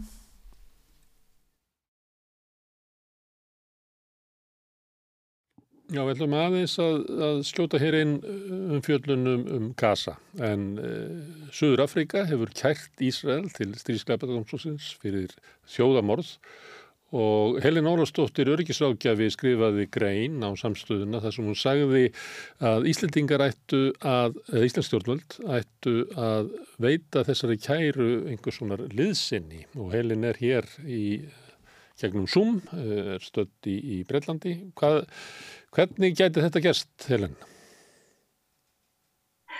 Já, uh, það er nú þegar tvölönd búin að, sagt, að lýsa því yfir að þau styðji þessa, þessa ákæru frá Söður Afríku og það er Malasí og Tyrkland og það er búist við því að fleiri ríki munu slást í hópin. Þannig að þarna er þetta spurningu um sko tíma, við erum ekki alveg með lista yfir mögulega fleiri ríki en, en bara þetta, ég, ég spái því að það munu mun fleiri ríki kasta sér á baku þessa ákæru. Hmm. Hvaða vægi hefur það að spætist við ríkið þarna? Það hefur að sjálfsögðu mjög mikið vægi. Uh, í rauninni er þetta, þetta er mjög alveg, sko, ást, sko, nú eru til dæmis Ís, Ísraelar sem að hafa í rauninni humsað þennan alþjóðarétt, þessi alþjóða domstól sem er svona þessi uh, domstól heimsins undir samin þjóðanum og hann er bindandi, neyðustöður hans er, eru bindandi fyrir þjóðarétt. En það að Ísrael skuli sko ætla að mæta fyrir rétt í næstu viku, þessi, þetta mál verið tekið fyrir nú strax, þess að 11. og 12. januar, og bara það að Ísraelsmenn ætli að mæta til þess að verja sig, það sýnir í rauninni mikilvægi þess hvað þetta hefur fyrir þá og þá náttúrulega fyrir Suður Afrika standi ekki eini í þessu, þá skiptir það líka máli og hvetur kannski fleiri lönd til þess að slást í hópin. En bara fyrir stutt um þetta, um lögin, hvað var það þjóð þessi bráneisöld fyrir Ísland að slást í þannan hóp sem fyrst. Það er vegna þess að þessi lög, þau eru ekki, ekki bara bindandi fyrir okkur sem þjóð sem hefum skrifað undir þennan sáttmúla, uh, gegn þjóðamorðum. Það eru ákveðin ákveði í þessu ólíkt mörgum hörnum samningar sem við erum aðlæra sem í rauninni sko skuldbinda okkur sem þjóð til þess að stíga inn í þegar að víst er eða mögulegt er eða það sem er talið að sé ásetningur til þess að fremja þjóðamorð. Þannig að þetta er ekki, sem sagt, nú eru flest málir sem hafa farið fyrir eh, þennan domstól, hvað var það þjóðamorð, hafa verið mál sem hafa, þeg, hafa þá þegar gest hvað sem það er Srebrenica, hvað sem það er hérna í Myanmar eða til dæmis ef við skoðum bara Rúandamálið. Þá var þetta alltaf eftir á. En þegar að við erum núna að horfa á þetta í raungerast, þá er ábyrgin í rauninni miklu meiri. Vegna þess að eins og ég segi, það er skýrt tekið fram það eru lagalega ákvæði þarna í þessum rétti sem að, sem að segja í grundar allar aðrunum að við erum skuldbundin til þess að stíga inn í. Ekki bara með viðurkenningum eða yfirlýsingum heldur eigum við að taka eh, einhverjar aðgerðir, það eiga þurfa að vera einhverjar aðgerðir og, og þær geta verið ímiskonar og við sjáum það bara til dæmis í máli Rúslands sem að teki fyrir og það var dæmt gegn Rúslandi, sérst Úgræna fór með mál fyrir, fyrir alþjóðadómstólinn varandi Rúsland og innræðsrúslands, það var dæmt gegn rúsum og, og þó að rússar í rauninni hunsi neðustuður réttarins, að það sem gerist er það að það gefur ríkjum í rauninni leifi til þess að þá setja til dæmis viðskipta þvinganir á Ísrael. Mm. Þannig að þetta getur haft mjög miklar, um ekki bara symbolist að þetta er náttúrulega hryllingur, menn þessi domstólir settur upp 1945 til þess að koma í veg fyrir þjóðamorð út af þjóðamorðu um Hitlers. Þannig að þetta er, þetta er, er mörgum sko og að lesa þessa, þessa bæðu þessi skýrsla, þessa 84 blæsjur, sko þetta er hryllilega lestur. Þetta sem, er, sem er kæra Suður, Afrikana, út á Ísi hana. Já. Já. Já, og þetta er ekkert nóðað saman enn til treð. Þetta er rosalega, þetta er mjög svona fyrir út í smáadri og, og sko sérstaklega vekja aðdekla því og þeir segja lögfræðingar sem standa á baku þetta mjög impressive hópur af lögfræðingum þeir segja að það hefur sjaldan eða aldrei verið jafn mikið af sko sönnunum fyrir því að þarna sé ásetningur til að fremja þjóðum Mm. Það er svolítið sérstaklega þessu tilfelli. En eins og þú lýsir því að Íslensk stjórnvöld berið skilda til þess að, að sko kæra ef þau verða að vísa að einhverjum eh, sem að líku til þess að verði dæmt sem sjóðamorð, að þá eh, er það raunverulega það að standa hjá á þess að gera neitt er næstu því eins og að, að, að samþykja verknæðin. Já, í rauninni. Complicity. Uh, sem sagt að þú ert þá partur af því. Og þetta eins og segi þetta kemur út úr setni heimstöð það sem að í rauninni heimurinn uh, stóð svolítið til hliðar og, og íhlutaðist ekki og við Íslendinga með um frekar svarta sögu í því, þeim öfnum eins og ég nefndi reyndar vegna þess að það náttúrulega er alveg klártmál að uh, þegar við höfnum þegar við höfnum því að hér kemur inn gýðingar til mm. Íslands það er hryllilega svartu blettur. Og þess vegna segi ég ætlum við aftur að bregðast í þessum efnum, ætlum við aftur sem þjóð sem við höfum viðkend og það setur okkur til ég líka að sko setur okkur sér til sérstakka stöðu vegna sem við höfum viðkend Palestínu. Þannig að það er verið að brjóta samkvæmt okkar eigin uh, lögum og reglum, þá er verið að brjóta þarna gagvart annari þjóð sem við höfum viðkjönd. Mm. En hvað, eh, nú mæta Ísraelsmenn þarna í næstu viku, hvað eh, er þetta margra ára ferli eða margra mánuða ferli eða getur að verið þannig að vegna þess að, að þjóðamorðið á sér stað og bara versnar frá klukkustund til klukkustundar að stríðskleipadómstólinn grípi einhvern veginn til fljótar heldur en þegar að hann er að fást við atbyrði sem eru liðnir og eru í fortíðinni. Já, það er sérstak uh, ákvæði þarna vegna þess að þetta er náttúrulega eðli málsins er þannig. Þess vegna er líka máli tekið fyrir svona rætt eftir að í raunni umsóknir fer inn að, að það eru bráðabjörður ástafnir sem er hægt að grípa til og það í rauninni er ekkit ósvip og finnst í bara okkar eigin réttakerfi það sem að þú fristir stöðunum mm. og þar á leiðandi hefur Suður Afrika fyrir fram á að Ísrael láti strax af hernaðar að gerum á gasa.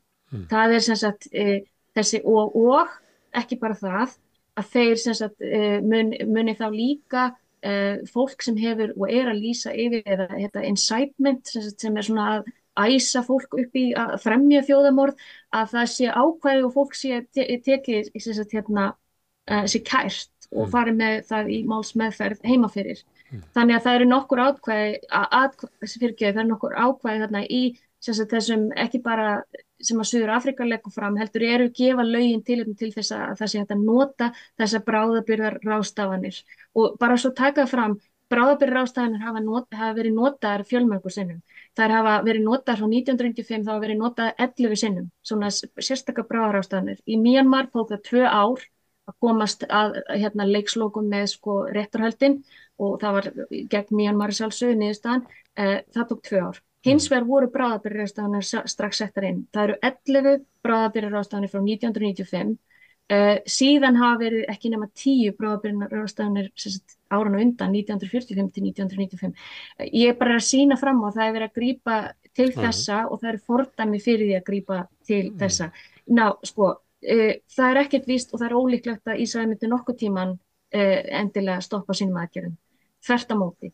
En hins vegar, og, og þetta hefur búið að vera nokkuð mál þar sem að löndin hafa hins vegar bara, eins og í Myanmar, uh, löndin hafa hins vegar bara hunsað niðurstöðu réttanis. En lönd sem að gera það eru svona svolítið, uh, verða svona, hvað, þú veist, eða halgjert rogue states vegna þess að þeir eru búin að skrifa þið út úr uh, alþjóðalögum, þú ert búin að skrifa þið út úr alþjóðadómstólum. Mm. Það er ekki gott fyrir ríki að vera í þeirri aðstöðu og það eru mörg, og ég, maður er svona farin að heyra þeir sem kannski fylgjast svolítið með þessu, maður er farin að heyra bara til dæmis uh, rattir í Fraklandi um mögulega viðskiptaþinganir, maður er farin að, og það er mjög merkilegt mál í bandaríkjónu líka sem er núna í gangi, það sem að lögfræðingar þar fóru fram og er að stefna eiginstjórnmöldum fyrir að hunsa reglur í eiginlandi sem eiga að koma í vekk fyrir, og þetta gerður áður en að þetta kom fram, Mm. Þess að þeir eru að hunsa reglur sem er í bandarísku réttakerfi um það að þú meir ekki selja vopn til þeirra sem er að fremja strískleipi eða þjóðamorð. Og, og þannig að þetta eru, sko, eru mjög, mögulega mikla bara, fólk getur verið kært þó að Ísrael hunsi dómin, að þá getur verið alls konar aflæðingu fyrir þá sem er að taka þáttu þessu, hvort sem það eru breytar, bandaríkjumenn, eh, til dæmis fólk með tvöfald nationality sem er að fara og berjast í Ísraelskum her, það er verið að tala um það hérna í Breitlandi að þeir verið mögulega dregni fyrir rétt ef að það er eftir einu niðurst að þetta hefur verið þjóðamál. Mm. En nú hefur ekki gengið að, að stoppa þetta stríði, stríð uh, og þessar árósir uh, í örgisráðinu eða í allsýraþinginu. Er þetta raunverulega líklegasta leiðin til þess að stöðva þennan hildarleik? Já, uh, ég hef búin að tala ráðið ræða svolítið við uh, vinið mína frá Palestínu sem er bæði innan, innan stjórnald og utan og þau eru telja það að lag, lagalega leiðin sé grunnverulega þeirra eina svona síðasta mögulega uh, já, uh, sko ég held að séu allir sammála næstu vikur og mánu eru ekkert að fara að breytast til miður vegna þess að Ísrael það er engin lát á því sem Ísrael er að gera og uh, það sem að þarf er að ríki heims hætti þessum stuðningi, hætti bara rjúfi þögnina. Mm. Þa, það er það sem er svo mikilvægt og þetta líka bara með, það er ákveðin, þú veist, líka Vesturlönd hafi sko staðið svona mikið á bakvið þetta, þú veist, allir þessar yfirlýsingar, okkar eigin yfirlýsingar Íslandinga í upphafi mm. sem var sko einskorðaði stuðningur við Ísrael, mm. uh, burt sér frá því að setja þetta, að því að þetta þessi, sko, þessi umsókn eða þessi í Suður Afríku, hún setur þetta í söguleg hérna samhengi. Það er alveg klart mála og hún segir sérstaklega að þó að Hamas hafi framið þessi ræðilegu verk að þá setja engan veginn réttlætilegt til þess að í rauninni eh, fara út í þessar aðgerð sem Ísrael, þetta eru sjö liðir sem ég ætla að geta að fara út í, mm. sjö alvarlegi liðir, það sem er til dæmis vaskort, hérna, það sem er, fólk er, er hérna, hafnað bara vatn, ramagn, matur og allt þetta sko. Mm. En þú... já, bara svo til að segja því miður að þá er ekki endilega þannig að við sem að fara að sjá Ísrael snúa við blæðinu. Mm. Það eina sem að maður vonar er að pólitísku stuðningu við Netanyahu í Ísrael vegna þessa máls, uh, hann verði til þess að Netanyahu verði settur af og þá eru miklu meiri möguleikar til þess fólk er enda sammála því að hann mun mögulega enda í fangelsa á endan. Þetta er ekkit endilega björt framtíð fyrir Netanyahu og hans uh, hérna, strís, hérna, strís uh, kabinet sko en, en hérna það er eina vonin og svo er það þetta með bandarkina. Að ef að þeir sjá að þetta núna til dæmis að það verður, það sem gerist núna 11. og 12. janúar er það að það verður ákverðun um það hvort að alþjóðardómstólinn hafi það sem að heitir umdæmi yfir þessu máli og þeir munu líklega ráða, sagt, gera grein fyrir því að þeir, jú, rétturinn hafi klárlega umdæmi í þessu máli og svo er vonin til þess að þeir munu kalla á bráðabyrða rástafanir. Það þurfu ekki að vera allar í ætti það sem Suður Afrika hefur lagt fram, því að Suður Afrika hefur farið með ansi margar svona uh, mörgatri. Þeir getur tekið, tekið úr og sagt, nei, þú veist, þið verður að hætta þessu. Það, við möttum að sjá það, mm. en ég held að allir bindi vonir við það, eða margir, ekki allir, að það verði þarna skýri niðurst að það varðandi bráðbyrjurástafanir og það gefi þá löndum, sérstaklega á vesturlöndum, tækifæri til þess að réttlæta til dæmis viðskiptaþinganir eða einhver svona, þú veist, þú getur, þú veist, send, sendið þér hann heim, það er alls konar hluti sem þú getur gert mm. til þess að í rauninni, já, kalla eftir aðgerðum þannig að Ísrael láti af þessu eh, þessum ásetningum með þjóðamorð og aðgerðum sem er að styðja þjóðamorð. Mm. Og þú uh, telur að, að Íslensk stjórnlutum ber eiginlega skilda til þess að, að fara þessa leið uh, kannski vegna þess að það virka ekki aðra leiðir en líka er það, það er gríðarlegur stuðningur með íslensku samfélagi við málstað bannistunum manna og, og ef að Íslensk stjórnlund ættuð að endróma hann eitthvað með sínum aðgerðum að þá ættu þau að, að grípa til þeirra uh, aðgerða sem eru líklegastar til þess að, að stöðva þetta einhver tíman í framtíðinni. Væri það ekki gaman, Gunnar Smári, ef að okkar stjórnmönd hefðu kjark? Móralískan kjark. Mm. Þú veist, við klúðrum þessu máli hérna í allsirræktinginu í fyrstu kostingun. Væri ekki frábært ef að Katrín Jakobsdóttir, sem hefur líst sig yfir, sem fósættisráð þeirra með friði, hefði kjark í alvörunni til þess að gera það rétta í þessu máli. Í alvör, í, veist, og það er það sem ég er að segja. Mm. Katrín, farðu réttu leiðinu. Við viljum þetta ekki, Við hljótum að standa á móti. Lestu skýsluna, Katrín. Utar ekki sára. Lestu skýsluna og þá skiljiði hvað í henni fælst og hver okkar, hvert okkar hlutverk er til þess að stöðva hennar hilling. Hmm. Herðu, Helen, takk fyrir að koma hingað og vera með þessa bríningu til Íslandska stjórnvalda. Takk fyrir. Og við skiptum yfir í næsta kapla.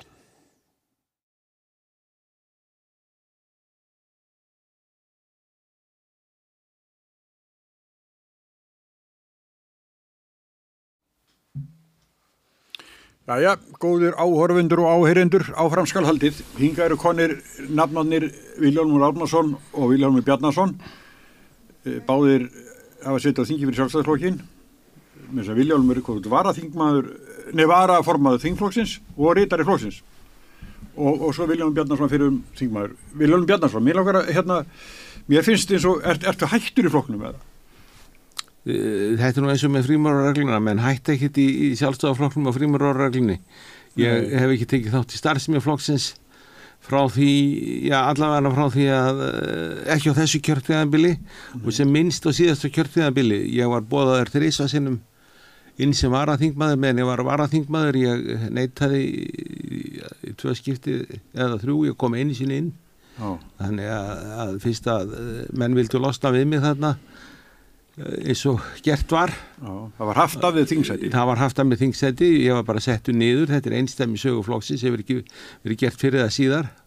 Að þá vildi ég bara sem minnst að þessu vita. Meinar að, að hrópla við niðurstöðu brúkjós Já, Já.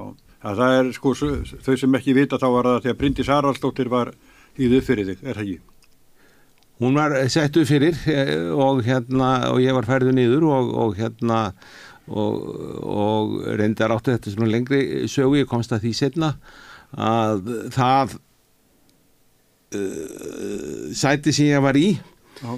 í kostingunum 2013 mm. það var bóðið öðrum í aðdraðanda uppstillingar Já, þó þú hefði verið búin að vinna það þó ég hefði unnið það uh, með næst flestum atkvæðum í, í prókjörunu og næst flestum atkvæðum í fyrsta setið og þá var nú þá var það eh, sæti þetta fjórðarsæti sem ég var kosin til samkvæmt þessum talningareglum þá var það bóðið öðrum. Já, en sá sem átti hlut hann eh, neytið að taka þátt í slíkur rosaköpum þannig að af því varð ekki já, en ég hérna þetta heyrði ég ekki fyrir en árið 2016 Já.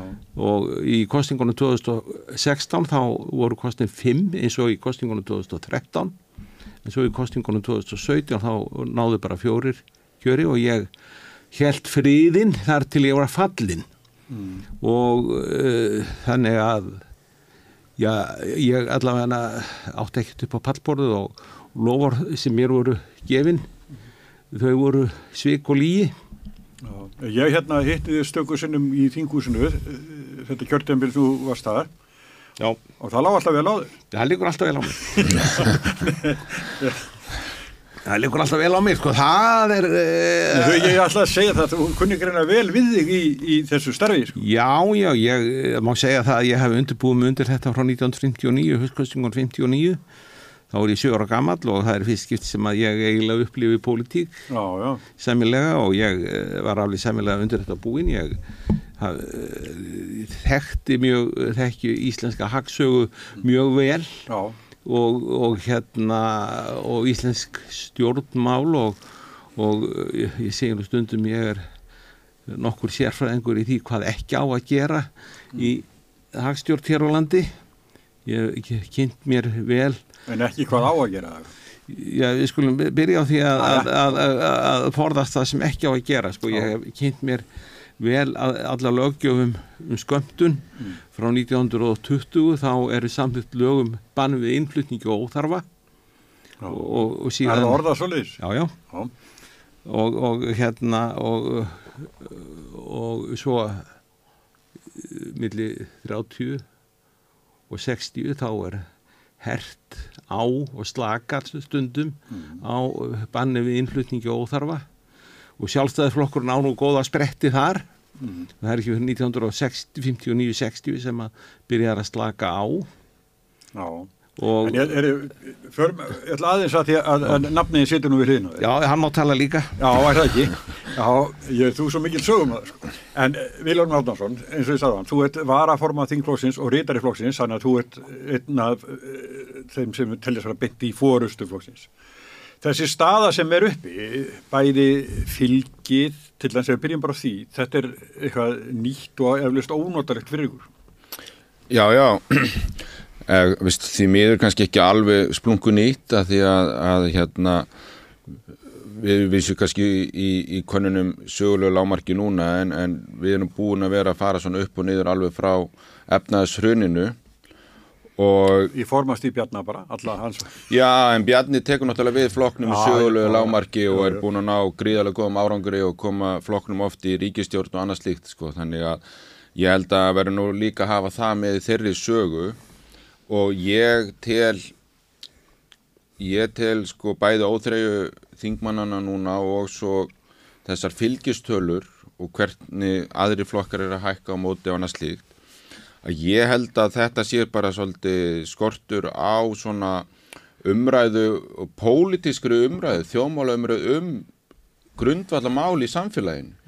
Og okkar kjósendur og okkar bakland, það er bara ekki, það finnst ekki finna nógu mikið tekið á þessum stóru málum. Það þið sem sagt að gefa það mikið eftir í ríkistjórninni, að þið náið ekki ykkar helstu stefnum hana fram. Já, víst, við erum ekkit endilega búið að gefa eftir eða víst, ráðhræðnar okkar eru meðfullt á góða málum í vinslu og hafa verið að leggja áherslu og annað slíkt en bara inn, fram í pólitísku umræðu þannig að fólki í landinu sé það að við sé, sér það að við séum að berjast fyrir þessu að við erum kannski of passív inn, inn í ríkistjórnarsanstærfinu og við komum kannski ekki nógu hart fram.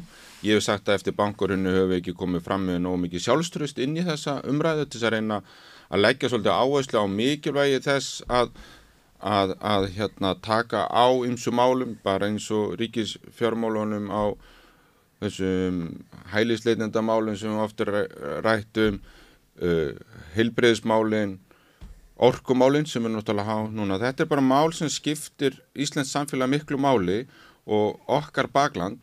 Þannig að ég met þetta svolítið þannig að grunn gildi sjálfstaflokkinsins frá 1929 eiga fullt erindi. Þau sem að hafa stutt okkur og verið að baka okkur finnstu bara ekki einhvern veginn að við kjörnum fulltrúanir síðan að koma þessum gildinu og skýrt til skila og það er bara þar þurfum við að bæta okkur öll. Já. Eh, Smári, þú ert með pungaprófi í stjórnmálafræði. Já.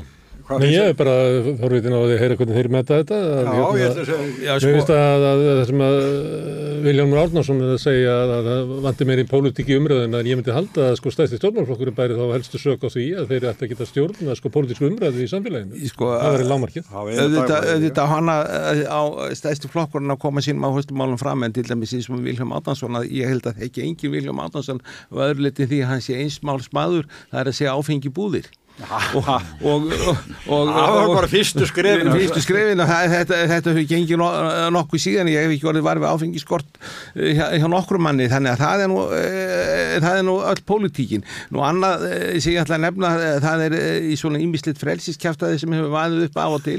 Og, og gott, er, gott og blessa með allt frelsið en, en ég tek eitt dæmi af frelsið það er líka Vilhelm Áttansinni að hérna þegar hann vildi nú afnema all- allar hömlur í COVID menn þess að þá myndi fólk passa sér betur. Og ég hef aldrei skemmt mér eins vel af, af veikindasögu nokkurs manns eins og þegar Vilhelm Átnason vektist af COVID de- degi síðar.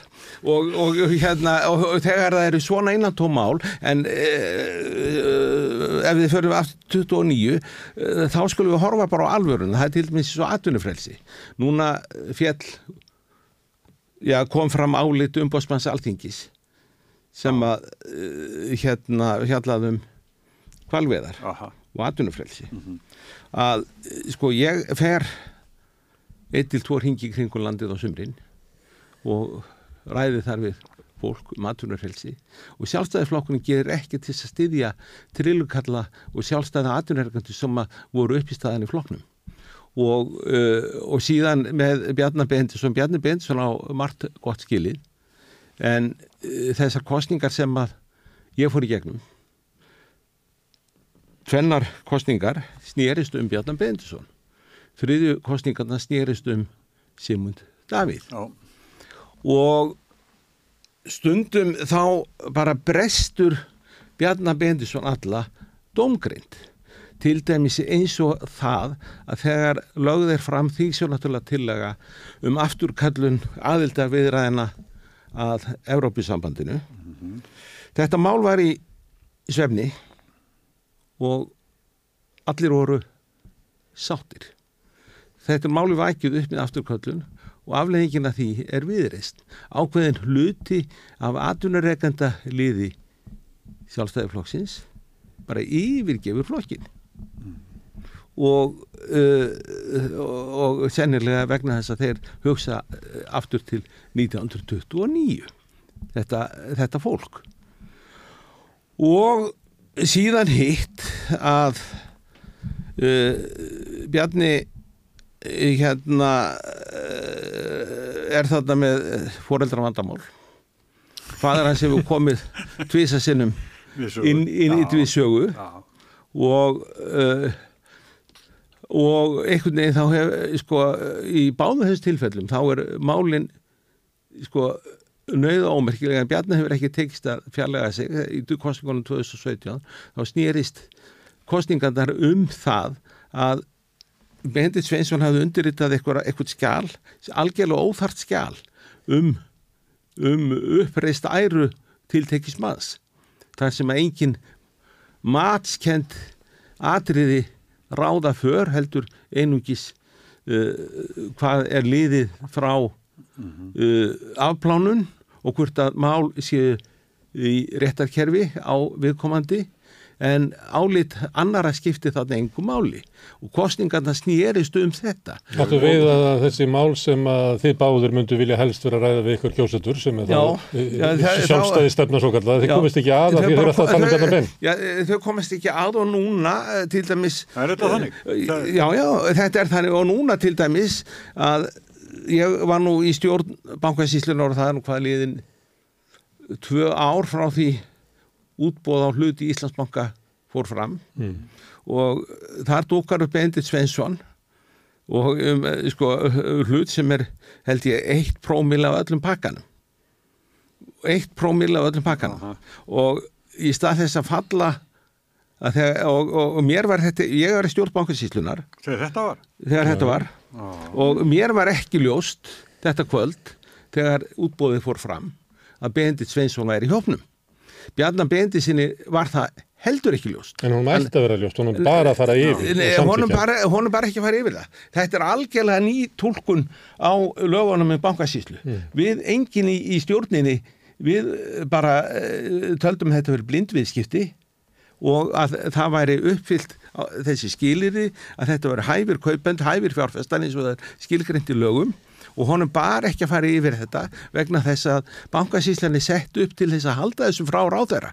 Þannig að þetta er algjörlega En er þetta lögum, alger, hann- Nei, það er ekkert í lögum Hann á samtíkja hvert og eitt. þetta er, þetta er tólkun umbóðsmanns en hann byggir það ekki á lögum. Og þar skilur á milli umbóðsmanns alþingis í áliti á uh, Bjarnar Beindussonar að það er mér finnst álit en álitið sem umbóðsmaður alþingis byrtir gagvart Svandísi Svavarsdóttur það er byrt á lagarökum Og og það það er, að það hefur óþæri fyrir Bjarnar skiptur rauðarastól. ég er að segja það já Já. vegna þess að þetta, eh, þetta Það er umræ- ekki út af þessu. ekki út af þessu en umræðan snýst um þetta Já. og í stað þess að, þegar þetta er mönnum ljóst að hann er beilindi sveinsvonar aðila málunu að keiri í það að falla frá málunu þá herðist Bjarn og segir hann mátt alveg kaupa og þetta við þorfum ég á þetta ég má þetta Mátt hann kaupa? hann mátti kaupa hann uppfyllt í skilirði En það verður kannski pólitíst Po- kló, po- klókar á hann um að segja bara, herðu, þetta er bara mistök Já, og við dröfum þetta tilbaka já, og, já, og er pabbi mátti ekki kjósa og ég byrst afsökunar. Pa- Pabbi mátti ekki kaupa, já, pabbi mátti kaupa en það er bara óheppilegt og, og, og eh, hann eh, bara kaupir ekki neitt Mm. vegna þess að það er ekki eins og væri- væri verið að útluta handa gæðum Eh, eh, ég held að eh, gengi byrjafan hafi farið eitthvað niður síðan og þannig að það, það er ekkit verið að útluta handa gæðum en, en þetta verður við pólitíska efni. Þannig að á þessum árum sem ég hef komið nála þessu Bjarnar var nú reyndar ekkert lít um það að, að ég færi frambóð árið 2012 í prófkjörunu í, í november Já, ég veit ekki, hann talaði mig uh, mjög alvarlega út af mínu frambóði og, og hérna var ekkert sérlega hrifin og, og hérna Þú veit að segja að Bjarni sé ekki klókur stjórnmálamæður Já, og hann- auðvitað það sem er oft haldið fram að hann sé ótrúlega klókur stjórnmálamæður. Já, eh, það stundum bara brestur hann domgreind en, en ég frí honum því ekki að, að miða við ímsa leittóa hérna í þinginu núna þá uh, stundum eh, ber hann af sko en, en þegar kemur ákveðnum málum að þá bara brestur hann algjörlega Já. Er ekki að átna sína þess að... Ha, já, Já. Hvort það sé kostnaður sjálfstæðarflokksins að hafa Bjarnar Ben. Ég held að, vist, að sé af okkur öllum bæði kostnaður og, og, og líka hérna hagur að sjálfsögðu. Og öll hérna höfum við misjafna kosti og, og, kostir Bjarnar eru alveg ótrúlegar og sína það náttúrulega að hann hefur verið sá stjórnmálumæður undanfærinnar kostningar sem fengi flest atkvæði og hefur setið hvað lengst í forma flokksins og staðið ímis áhlaup bæði prókjunum frá nafna mínum og í, á landsfundi annars slíkt Mynda sko. fleiri ríkistjórnir en flestir. mynda fleiri, mynda mér. fleiri áhlaup frá mér mynda fleiri hérna hérna ríkistjórnin eins og þú segir en líka ekkit alltaf sett eigin persóni í, í hérna fórustu til þess að ná þeim ríkistjórninu saman heldur sett svolítið pólitísk hérna eða svona hag þjóðurinnar og veist, það var komin viss stjórnakreppa hér og annað slíkt og, og þannig að, að ég held að það sé nú eitthvað en ég tek bara undir það sem þú varst að tala um hérna áðan og hvernig greindi það sem ég sagði að að við hérna berum að sjálfsögðu mesta ábyrg sjálf. Sem stæðstu flokkurinn auðvitað eigum við að, að leiða meira umræðuna og annað slíkt og því segja þetta. Við erum kannski ekki, við erum of lítið í okkur bara eftir hverju? ég bara skilja það ekki og, og, og, ég, og ég hérna og það er það sem er mín kvartning til okkar að bara að taka svolítið slægin oftar auðvitað hefur mörg okkar gert það og við hefum gert það inn á milli en bara ekki nógu ofta mínu mati. En afleðingin líka eftir bankurinn er svolítið þessi lausung í stjórnmálunum og stjórnmálu umræðu að það er komin átta flokkar á alþingi. Og ég held að skilvirkni alþingis og pólitíkunum verði minni með svona mörgum flokkum og umræðan þinnist og þú sjáuð fyrir alþingiskostningar þegar eru 13 frambóð og það er spurt um almannatryggingar og heilbyrðismál og svo eru bara allir umræðu þættinni búin. Það kemst aldrei djúpt samfélagslega umræðu stað í, í eitt sem nafnið segir hérna, með hérna, að draga til uh, baka umsóknina í Európa-samvættinu og sem að veldur því að viðris klopnar út úr sjálfstæðarfloknum. Alveg saman hvað viðris segir í dag að þessi fólkarn inni sem er ekki úr sjálfstæðarfloknum en þá er þetta klopningur út úr floknum og þetta er náttúrulega eitt af því sem að fóringar er að gera, náttúrulega halda fylginu en þeir eru að líka halda sko hópnum saman. Er þetta ekki kannski alvarlegustu mistöki sem að Bjarni gerir á, á, á sínu ferli? ykkur veit ekki af að hafa þessi 9% sem að viðrist er með í, í konunum í dag og ég býst við að, að þú sjáur eftir mörgum samirjum sem þú sástu yfir í viðrist og við myndum frekka vilja hafa þá í þínu flokki að berjast með, að, að sko samilegu markmiðum saman heldur en að hafa það á mótið þeir í þinginu. Já, já, ég hef séð þetta samt og sagt það ofinbeglega áður sko. Ég get alveg tekið undir það, örgulega var hægt að gera margt varandi þess að ESB umsóknifniðin öðruvísi og, og, og, og jafnvel leifðin að liggja en það var alveg sterk krafa hérna frá mörgum líka sko, herðu, meðan umsóknin er inni þá erum er við umsóknaríki mm. sko, við skulum segja, viðst, ætlið að hafa okkur sem umsóknaríki ekki, viðst, þannig að það má deilum þetta allt saman en við höfum bara séð það eftir aðeifnaðsrunni að það bara er miklu fleiri sem stopna hérna stjórnmálaflokka og það er einhvern veginn svona þessi flokk hotlust á öllum sviðum stjórnmálana er orðin miklu minni og það hérna ef ég fæ ekki mínu fram í, í mínu gamla flokki þá bara stopna nýjan flokk og fyrir þangað. Og, og auðvitað er ekki gott að, að, að sjálfstaflokkurinn sé ekki hérna út af þessi sama breyfylgning eins og hann er, en við erum það alveg, þið heyrir við erum ekki alveg sammála hérna Nei, en við erum, aðeins að við erum saman en ég ætla að segja samt sko að að ég held að viðrist hefði hvað sem er orðið til og eftir, landsfundin eftir að viðrist var stopnuð það var bara eitt svona pólitískasti og besti landsfund sem ég hef setið sko. þá var miklu meiri hérna pólitík það fór ekki allir landsfundurinn að rífast um Evropasambandi, hann fór í að ræða grundvallar mál Herru, Jóti Skúladóttir, þingmaður Vistir Garnara, satt hérna hjá okkur einsni og hún saði að sinnformað, Katrín Jakobsdóttir, væri stjórnmála leiðtögi og hinsmælikvara. Mér finnst þú tala svolítið svipað um Bjarna, en báðir þessir sko formenn, Bjarni og Katrín, horfa núna fram á sko flokkana sína nánast í rúst og til dæmis í þessari áramóta skoðanakonun stöða 2, að nú þetta kryddsildinni, hann kom fram að 7% töldu að Bjarni Bendisson veri heppilegast í fósættisræðurann. Samt leiðir hann þennan flokk búin að mynda allar þessar ríkistjórnir og nú er hann ekki, er, er ekki komað að þrótum, er ekki verið búið. Þeir eru eitthvað svona. Já, sko, Já. þetta er eh, einhvern tíman líkur eh, fóristu, sko, hann er búin að sitja næst lengst allra formanna, aðeins Ólaður Tórs uh, hefur sitið lengur og hann nær honum Nei. en eh, sko sjálfstæðarflokkur sem er í breiðfylkingu hann getur ekki stólað á einn mann. Og ég fór í gegnum þrennar kostningar og eina andlit flokksins í allar þessum kostningum var Bjarni Bendisson aðrir voru ekki frambóði og síðan hitt að það er eins og þessi þingmenn sjálfstæðarflokksins núna sé einungis til heima brúks. Það kemur lítið frá þeim. Það koma örsjaldan greinar sem að ég kalla nú svona hundsmigu greinar sem menn eru svona að minna á sig og merkja sér mál. Og það kemur aldrei neitt frá þeim þannig að, að sko maður getur haldið það að, að þetta sé algjörlega andleg flatneskja í þessu þingliði.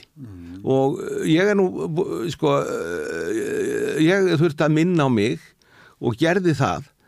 Eftir tveikjar á þingsetu þá fekk ég mér vettvang og hef skrifað 250 greinar um stjórnmál síðan.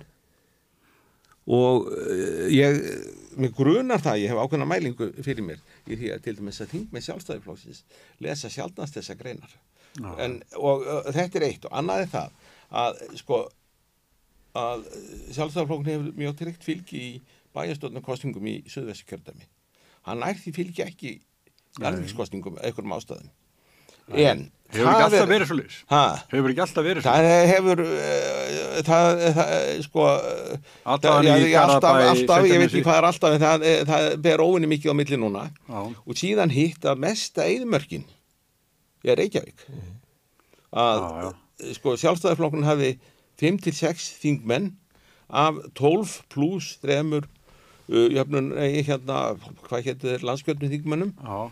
Uh, þannig að það, það hafi 5-6 upp í 7 af 15 þingmönnum en hefur núna held ég uh, fjóra, fjóra eða 5 5 Fimm, held ég. 5 5 af 5 af hérna af uh, 20.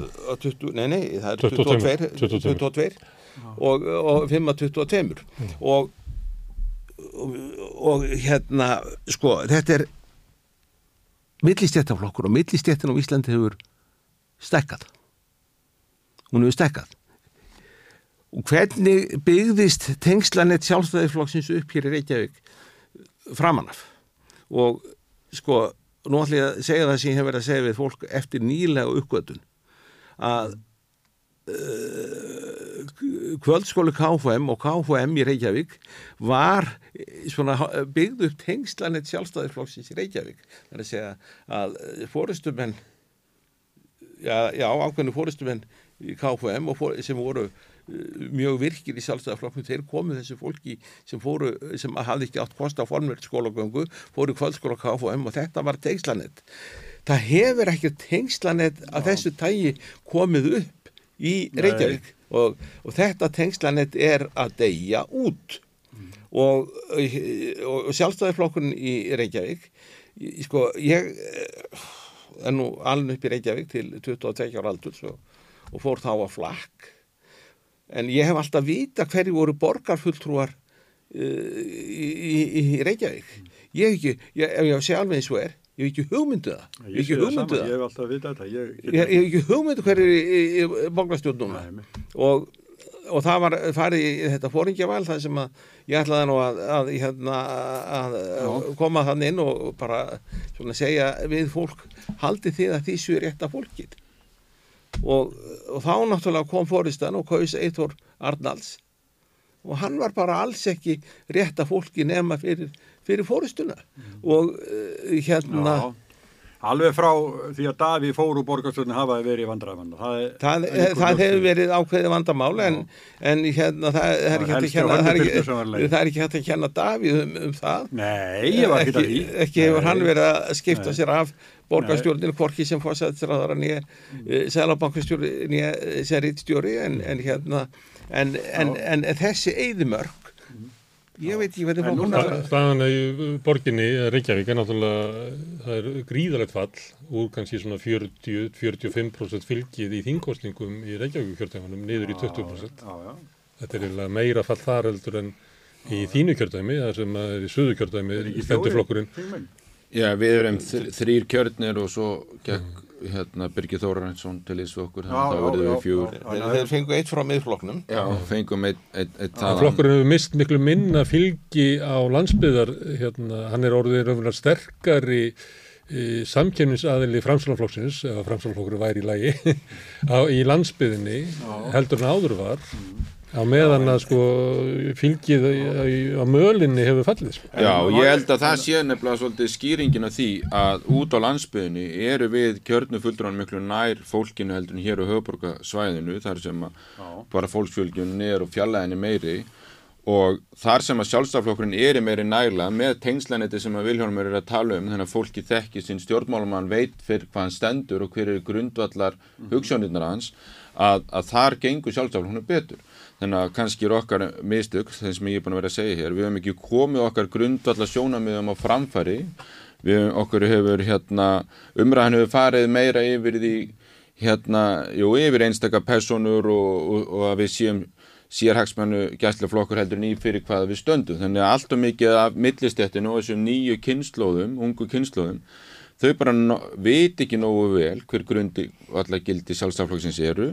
Jújú, jú, við, við þurfum að skrifa fleiri greinar, ég veit ekki hvað og hafa eitthvað að segja. hvað millistéttin hefur. Óli Björn gerir það einu sinni viku. Já, já, já það er lóta til sama greinin. og, og, og, og gerir geri, geri það vel og hérna En þetta með að hafa svona ólík sjónami, nú var nafniðinn svolítið svona með svona svolítið sína línu og Petur Blöndal var það og svo var náttúrulega Gunnar og Geir og Sverri Hermansson og það hefur alltaf verið sko að því að sjálfstoflokku hefur verið svo stór að það hefur verið rými fyrir svona ólíkar áherslur sem að kannski er, er, er sko fórsett þess að flokkur getur verið stór. Og ólíka málflutning líka sko. en núna sem að þessi svo Sigurður Andersen, Brynja Níelsson þeir sem hafa verið svona með sína línun á þingi þau eru ekki að, að uppskera í, í prófkjörum og búið að íta vilja út af listanum? Já, já, ég tel þetta rýmis ég algjörlega til staðar og við erum með hérna viðum land mjög hérna við sjónamið sko og ég tel þetta rýmis ég til staðar og, og ég vill hafa þetta svona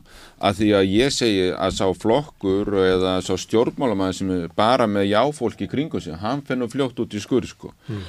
og, og hérna og þið voru líka að tala um stjórnmálarleitóðan áðan mm að það sem mér finnst gera einmitt bæði Bjarná og Katrínu að þessum miklu stjórnmála leitugum að þau gefast ekkit upp á verkefninu eða breyti ekkit sínri vinnu þó að gangi illa og á mátu blósi.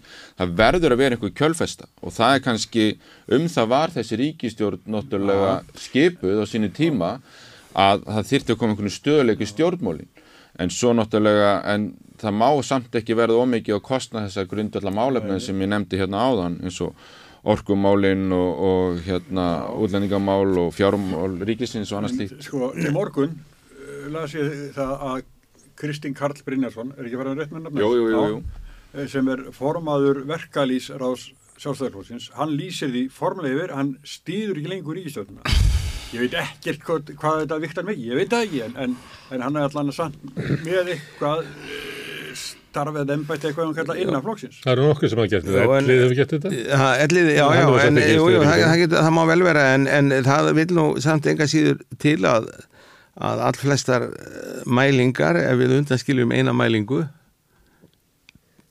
uh, sem er verðbólka eru í nokkuð góðu standi, Ef við- það er að vísu verðbólka og fjárlega halli en til dæmis það sem að yfirleitt hefur felt alla hluti hér Mm. Það er að eh, greiðslujöfnuður og ellend staða er í ágætti standi hér. Og uh, orsækir verðbólgu er ekki gengis uh, sig eða gengisfelling eins og var hér á árum áður heldur að stríði í Úkrænu hafði þarna áhrif og hafði ekki bara áhrif hér heldur allstaðar og, uh, og þessi mæling sem að alltaf er tekin upp hér 12 mánuða mælingin að sko ég skoðaði nú þryggja mánuða mælingu núna síðast og þá vorum við komið niður fyrir 6% í verðbólgu. Þannig að það er eh, þessi ríkistjórn eh, hefur eh, gert margt gott og stendur á ymsanhátt vel að málum. Þú stuður ríkistöðuna.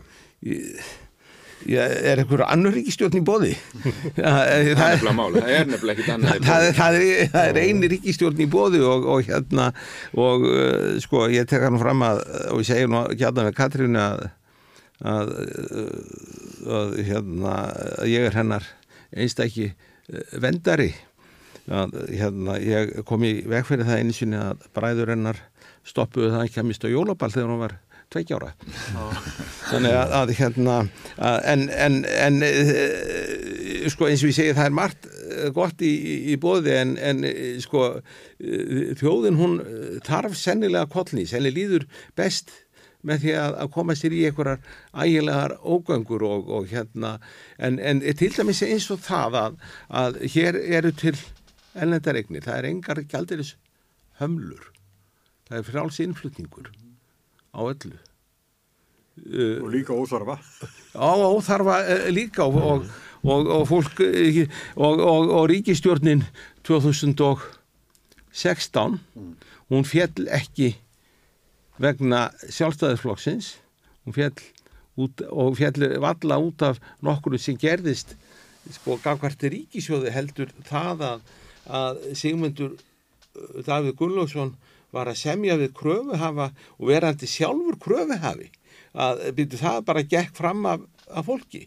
Og, og, og það voru það var vaksandi vantraust á honum innan framsóknar flokksins Já, já.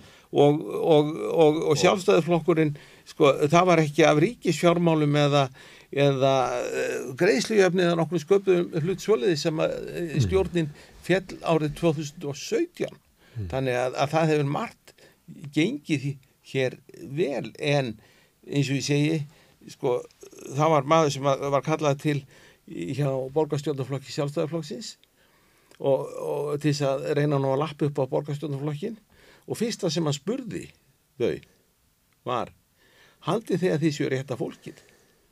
Og, og hérna og ég hef stundum velt þessu fyrir mér uh, miða við það að, að, að, að stundum þá held ég að að, að, í að þingflokkurinn sé bara líkvagn. Að, að maður sér, sér ekkert og heyrir ekkert frá fólki það veit ekki hver þetta er.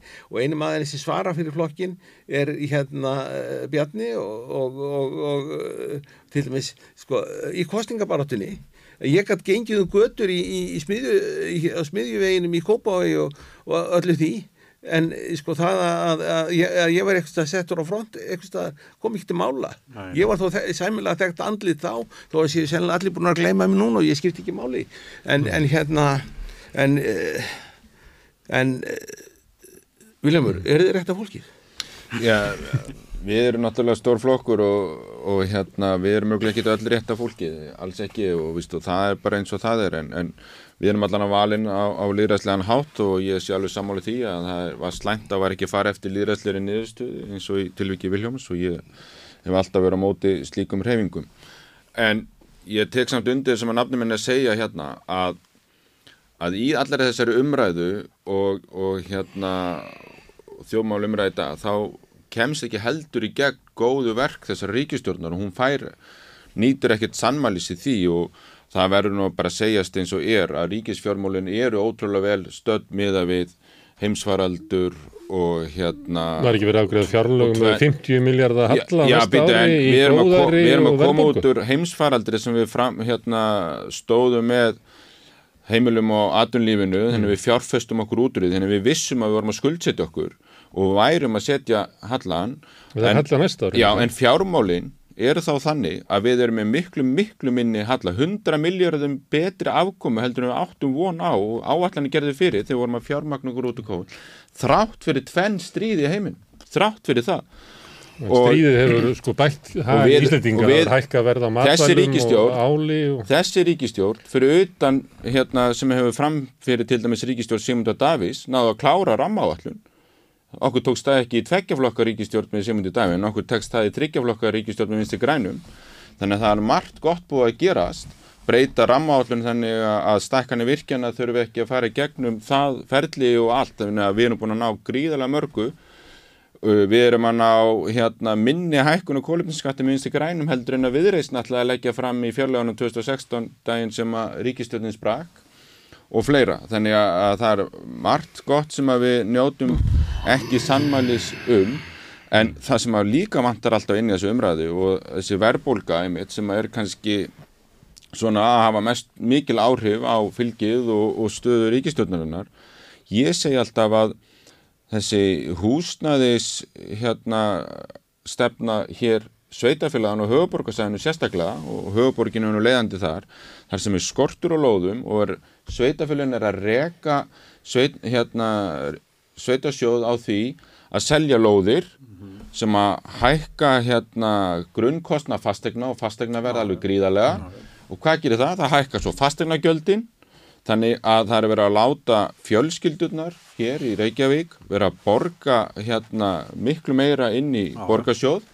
Og þetta er það sem er búin að hækka verbulguna hvað mest, hækka fjármaskostnað og skapa þetta og svo er, er ríkistjórninni kentum og þetta er grafalvarlegt. Ég kem nú í sveitafélagi þar sem að lóðirnar kosti ekki neitt en það er samt eitt best rekna sveitafélag landsins með guldslegin ásreikning og án þess að þurfa að vera að pína íbúana með háu lóðaverði og háum fastanugjöld. og fasteina, nei, og, og sveitafélagi grindaðik. En, Já, En- Þeir seldu náttúrulega háa sorku þessum að standa þessum vel. Jú, en, en, Já, en við þurfum ekki að, að selja lóðirna til þess að, að geta farið í einhver gæluverkefni. Bandar, nei, hérna, sjálfstæðsmenn í, í Reykjavíkuborg seldu hlut sinn í landsvirkjun en, stand, en Reykj, Reykjavíkuborg stendur ekki vel, þátt fyrir það. Já, en, en þú skuldir Reykjavíkuborgar voru svo margfald minni þegar að sjálfstaflokkurinn let hérna Sko- borgarsjóða hendi.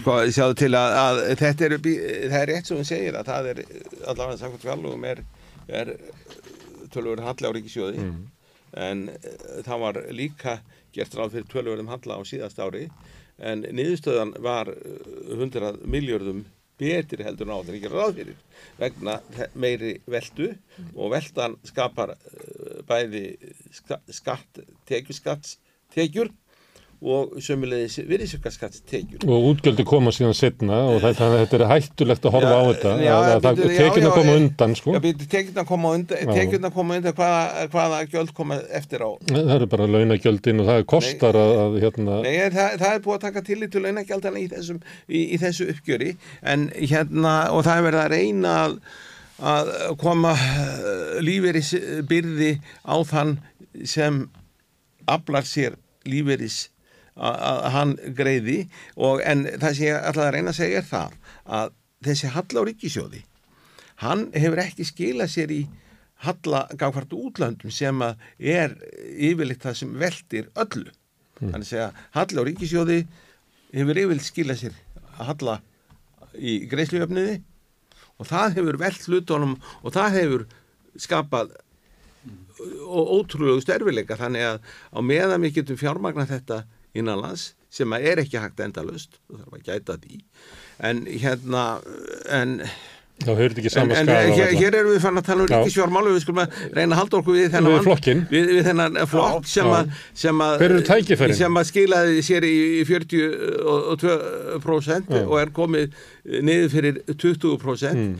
tækifærin er náttúrulega þau að, að, að að hérna velja til frambós aðlaðandi fólk sem að hefur eitthvað að segja og uh, hérna og leggur áherslu á þessi grunngildi sem hver maður vill öðlast það er að segja frelsi til aðtafna frelsi til atvinnu, frelsi til náms og að uh, landið það sé aðlaðandi kostur fyrir, fyrir uh, menta fólk við getum ekki byggt hér endalist upp atvinnutækifæri fyrir uh, hérna ófælart fólk þegar við erum að, að hérna leggjum að höfuð áherslu á uh, þungavíktar mentun uh, til dæmis í, í lífísundum og, En og, heldur þú að, að fórustu fólk flokksins og það sem er í frambóðu fyrir flokkin sé ekki það fólk sem að, að græsótt flokksins myndi vilja væri Ja, að, það er alveg greinlegt, allavega ekki miða þessar mælingar og, og, og, og ekki miða við þessar kostningar. Flokkurinn náði 21 dingmanni þannig að í þessum erfileiku franstánflokksins uh, árið 2016 og hann rapaði niður í 16 uh, 2017 hann rétti slefaðin 2021 og slefaðin 16 og hvað er það, samkvæmt uh, mælingum þá er þetta gæti þetta orðið 13-14 Já, ef- að, ef að þessar Já, já. ef að, ef að þessar eh, mælingar núna e, e, væru kostningar Já. það, höfum það í huga að eina mælingi sem er rétt það er kostningin Jú, jú.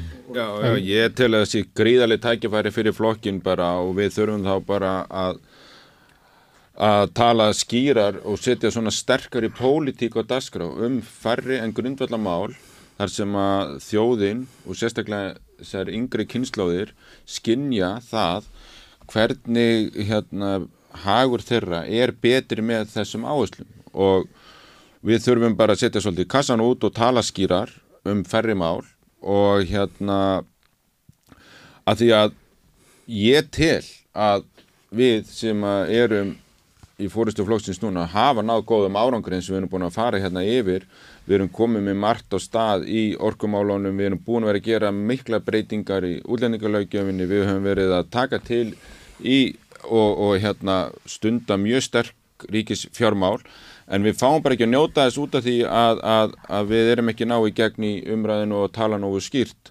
Og það eru önnur mál eins og við höfum verið að fara hérna yfir sem hefur kannski tekið meira plási í umræðinu þannig að leið og við komum svona okkar erindi skýrt á framfæri að þá fáum við að njóta þeirra góðu verka sem við höfum staðið að og að okkur góðu grinn gildum. Og ég hef engar áhyggjur af framtíð flokksins náðu að koma því á framfæri. Og, og mér og það sést bara Já, mér, mér finnst það bara að sjást í mörgum þeim sveitafélögum þar sem að okkar grunngildi eru, þar er góður rekstur og þar er góð stað, við erum í reyna meiri hluta mörgum stöðum og það er mikil uppbygging og mikil gróska. Og, og eins og við farum allar mælingar eiginlega í er síni bara Ísland sem með bestu lífskjör og hérna en við náum ekki Sem ég segja sér þrátt fyrir þjóttarlókin. Ha, já, já, en við, við segjum að sjálfsögðu að við höfum verið hér lengstu stjórn þannig að við hljótum að eiga eitthvað í því En- hversu lífskjör eru góð hér. Ég ætla að fara að loka mælindaskráni. Hvað, Má ég skjóta einu eh, að, að hérna í eh, öllu þessu eh, öllu þessu sem að sjálfstæðarflokkun nýtir ekki og ég veist um að sjálfstæðis menn viti af að ég hef nú undanförnum árum stundað mælingar á kaupmætti já, á grundvellu ofnbæra gagna já, og uh, ef við uh, horfum aftur til áramótana 92-93 já, til dagsins í dag þá er kaupmáttaraukning á ári um það byrjum 2% á ári í uh, 32-3 ár.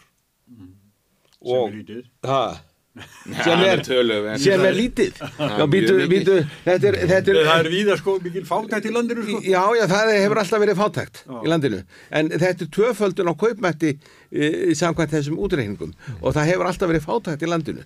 Og e, þessi fátæktarmæling sem menn er að gefa upp ef að einhver er með 40% af, e, af með, fyrir niðan 40% af meðaltegjum þá verður alltaf til fátækt í landinu. Þannig að, þessi þetta, þetta fátæktartal sem ég hef aldrei skilið vegna þess að ég held að sé eitthvað að statistíkinni þar. Mm, Það er ekki, það er ekki stefna sjálfstæðarflokksins að vinna gegn fátækt. það er, eh, það er, eh, eru ekki jefnaðarflokkur. Já, það er, Jú, jú, allra Það er, stefna, það er stefna sjálfstæðiflokksins að, að gefa öllum uh, kost á því að, að uh, geta unnið en, en ég ég held að, að hérna, það sé ekki nokkur maður með hullu viti sem telji það það sé hægt að fletja þetta út og ef menn alltaf að hvetja eitthvað til að fara í skóla upp á það að, að uh, ég fá ekkit endurkjald fyrir að þá held ég sko, til dæmis eins og ef það á að hérna, meta uh, skólagöngu til launa að þá vantar nú eitthvað upp á mm. jafnaðar uh, hlutan en, en eins og ég segi að það ver, því- því miður það er og verða alltaf til félagslegir erfuleikar og ef við horfum nú á þann þátt að ég veit ekki betur en að borgarstjórn uh, Geirs Hallgrímssonar sé fyrsta sveitarfélagið sem tekur á uh, almennilega á félagslegum erfileikum í einu sveitafélagi og gerði það mjög ræsilega með uh, stofnun félagsmálastofnunar Reykjavíkur. En herr, drengir, áður við förum að, að endur taka okkur, þá skulum við bara hætta leik þá hæsta stendur. Og Allar, að bjóða okkur aftur. Já, kemur að því. Viljónur Ratnarsson og Viljónur Bjarnarsson, takk okkur kjalla fyrir komuna. Og hér eftir augnablík, þá sitjum við eftir, Torsabækurinn, bræðunir, við sitjum tveir eftir í lógin. Allir þættir samstæðvarinnar eru fáanlegir á öllum helstu hlaðvarpsveitum. Hvernig getur við réttlætt að helmingur eblingakvönna býr við slæma andlega heilsu? Ebling stjættarfélag. Baróta fyrir betra lífi. Samstöðin er í eigu hlustenda, áhorfenda og lesenda. Þú getur átt samstöðina á samt öðrum félögum í Alþýðufélaginu. Þú getur gengið í Alþýðufélagið á samstöðin.is. Þar er nappur sem segir skráning. Með því að ganga í leyendasamtökin stiður þú bara áttu leyenda. Leyendasamtökin eru fyrir alla þá sem vilja berjast fyrir réttlátu húsnæðiskerfi. leyendasamtökin.is Segðu það á samstöðinni. Samstöðin er í eigu hlustenda, áhorfenda og lesenda. Sláist í hópin og gerist áskrifendur.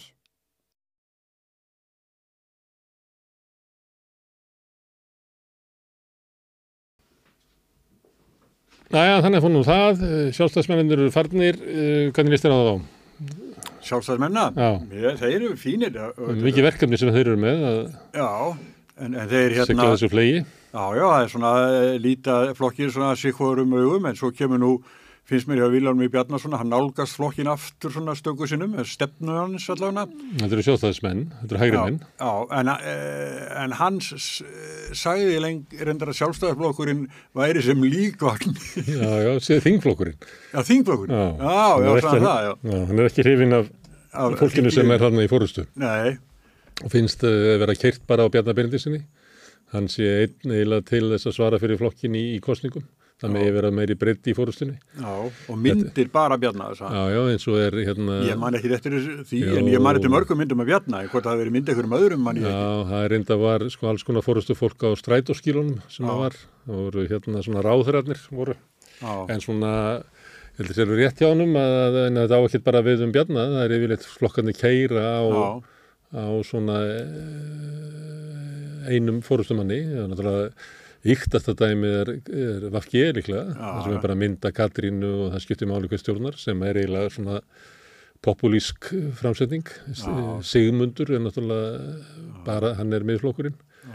Uh, og Bjarni er sömuleyti sjálfstæðarflokkurinn og nú er náttúrulega allar uh, samfélkingin sem að kannski var með svona breyðar í svip þegar, þegar logi var formaður að það sem að aðri fengu svona að, að Já. vera með svona sín mál að nú verður enn frekar bara Kristrún held ég. Já, lítur að vera. Já, Hún náttúrulega, þeir þakka henni greinilisa fylgisveiflu sem er til þeirra sko, þannig að þetta kemur eftir sko, formanskiptin Já, en einhver leitt erum við bara komin inn í, ég meina þetta er, þetta er svona PR skrifstofu stjórnmál, það sem að Viljómi Bjarnason er kannski að vísa til er að þeirra sjálfstæðarflokkurinn var kannski svona öflugri stjórnmálarheyfing og það voru, þú veist, austfyrðingarnir eða verkalýsráðið og, voru svona, flokkarnir voru freka samsettir úr einhverju svona uh, hópum, uh, hann nefndi þarna að flokkur gerði ekkert fyrir trillukallana og fleira að, Já, að já.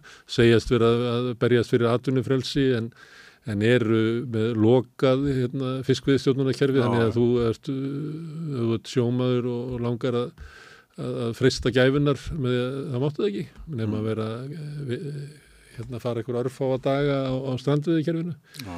þannig að, að eh, þessi eh, og þú þekkir það sjálfur bara út að hitta svona menn svona sem að finnst eigi að vera svona klassist Já. uh, fylgi sjálfstæðarflokksins svona alþjóðu fylgi svona yðnamenn og, og kannski Já. þeir sem er í smárekstri hér og þar eða kannski eina búð eða eitthvað svona Mm. þetta eru eiginlega hörðustu gaggrindu sjálfstæðarflokksins Já, þeir hafa, ha, úr þessum hópi Já. hefur verið ringt í mig til að tala um, um, um pólitík og einhverjum um sjálfstæðarflokkin og áhyggjur af henni Já.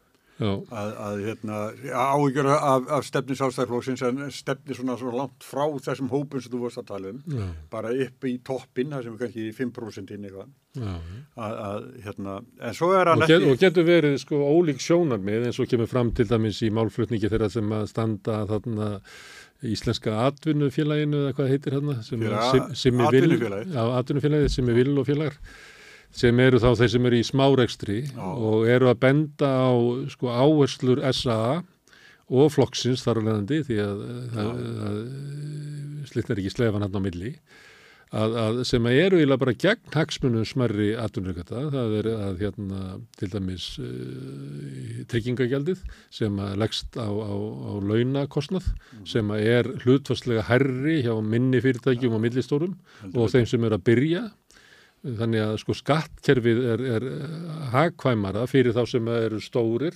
og eru fjármakseigendur, eiga hlutabrjöf, taka arðin til sín og greiða lítið gjald af honum á meðan að sá sem er í svona venjulegum rekstri og kannski fjárfestir bara allt sem hann fær aftur í rekstrinum með svona hugmyndinum að byggja upp eitthvað fyrirtæki og, og kannski tekur ánskotan ekkert út úr því fyrstu 20 árin eða eitthvað að, að, að skattkerfið eh, vinnur á móti þessu fyrirtækjum á meðan að stiður Kristján Lofsson og, og Sostin Má og, og félaga sko.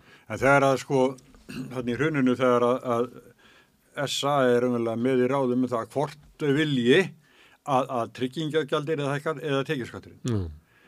Og hverju sögðu tryggingagjaldir? Það voru einmitt þessi sem ert að tala um. Álverinn sem að hafa starðarna vegna alveg ofnbúslega mikið að segja. Mm. Og þar er kannski sko launakostnaður 20%. Já.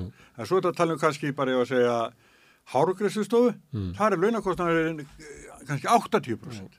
og það sem að gaggrinni kemur þá segja litlu kallanir sem eru með litlu fyrirtækin að hverjir eru það sem búa til störfin þau vera til í litlum fyrirtækjum og millistórum, það er ekki hérna, það, þegar að hérna auðvaldið er búin að eignast eitthvað fyrirtæki þá taka þau fyrirtækið og svo fara þau bara að skera niður kostnað í því fækka störfum og vélvæða og svipað og samir er að gera á Dalvík og eitthvað svona bara búa til einhverja verksmiðu sem að framleiðir einhverja afurð sem hún færið svona mikið verð fyrir þeir ekki að reyna að skrúa þau upp að fá allra hæsta verði fyrir afurðina vegna þess að þeirra hagur er bara að skera niður kostnaðin og þannig að litlukallarnir segja að þetta, þessi stefna sjálfstæðarflokksins að elda bara allra stærstu eigendur, allra stærstu fyrirtækina er ekki þjóðaslega hagvæmt og er ekki gott fyrir flokkin að því að það verður náttúrulega bara örfáir þeir eru bara þjóna kannski í hvað það sé 2% af fólkinu Já. þú veist að maður er alltaf rausnalur kannski bara 0,5% og þar alveg hrýnur flokkurinn náttúrulega niður sem ykkur fjöldarhefing að því að litli kallinn sem er að, þú veist, yðnamaður eða konan, já, já. konan sem er eitthvað búð að, að upplifi það ekki að þetta sé hérna að geta sinna hagsmuna. Nei, nei, nei, Mm. nei það, er, það er það. En sko, nú mælist sjálfstæðslokkurinn náttúrulega í sögulegri lægt. Já, hann mæltist í 80% held ég í Gallup, hann hefur ekki mælst lægri þar en hann hefur farið nýr í 70% hjá Já, uh, Mas- hérna maskinu, gamlu MMR. Já, já, við höldum okkur bara núna þá við, við já, en, en þá er þetta sögulegt bara, hann aldrei með verið. Hann var í 20 hérna þegar Ísland hrundi og þá fór hann nægst niður í 20, menn ekki, þetta var 21 eða 22. Já, en í formanstíð Bjarnar hefur þetta bara verið eins og slönguspili, hann er bara að renna á byrjunarriðin. Ég held að það, sko, ef þú tekur Bjarna, hann tekur við vegna þess að það verður hrun í flokknum og það verður skiptu fórustu að því að fylgið er bara þannig að það er ekki, þú veist að þetta var geir veikur og allt það, en að það þurfti kynsluðaskipti vegna þess að þetta er bara nýtt upp af flokkur var komið svo neðarlega. Hann er með flokki mun neðar en það.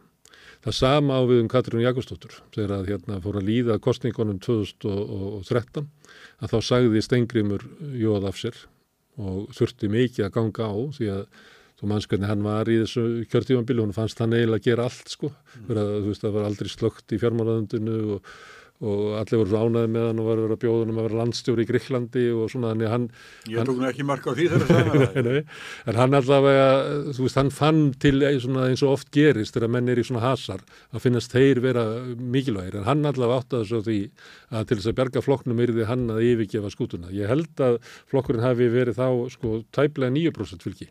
Mm. Katrín hefur mælst með hann í 5,5%. Já, já.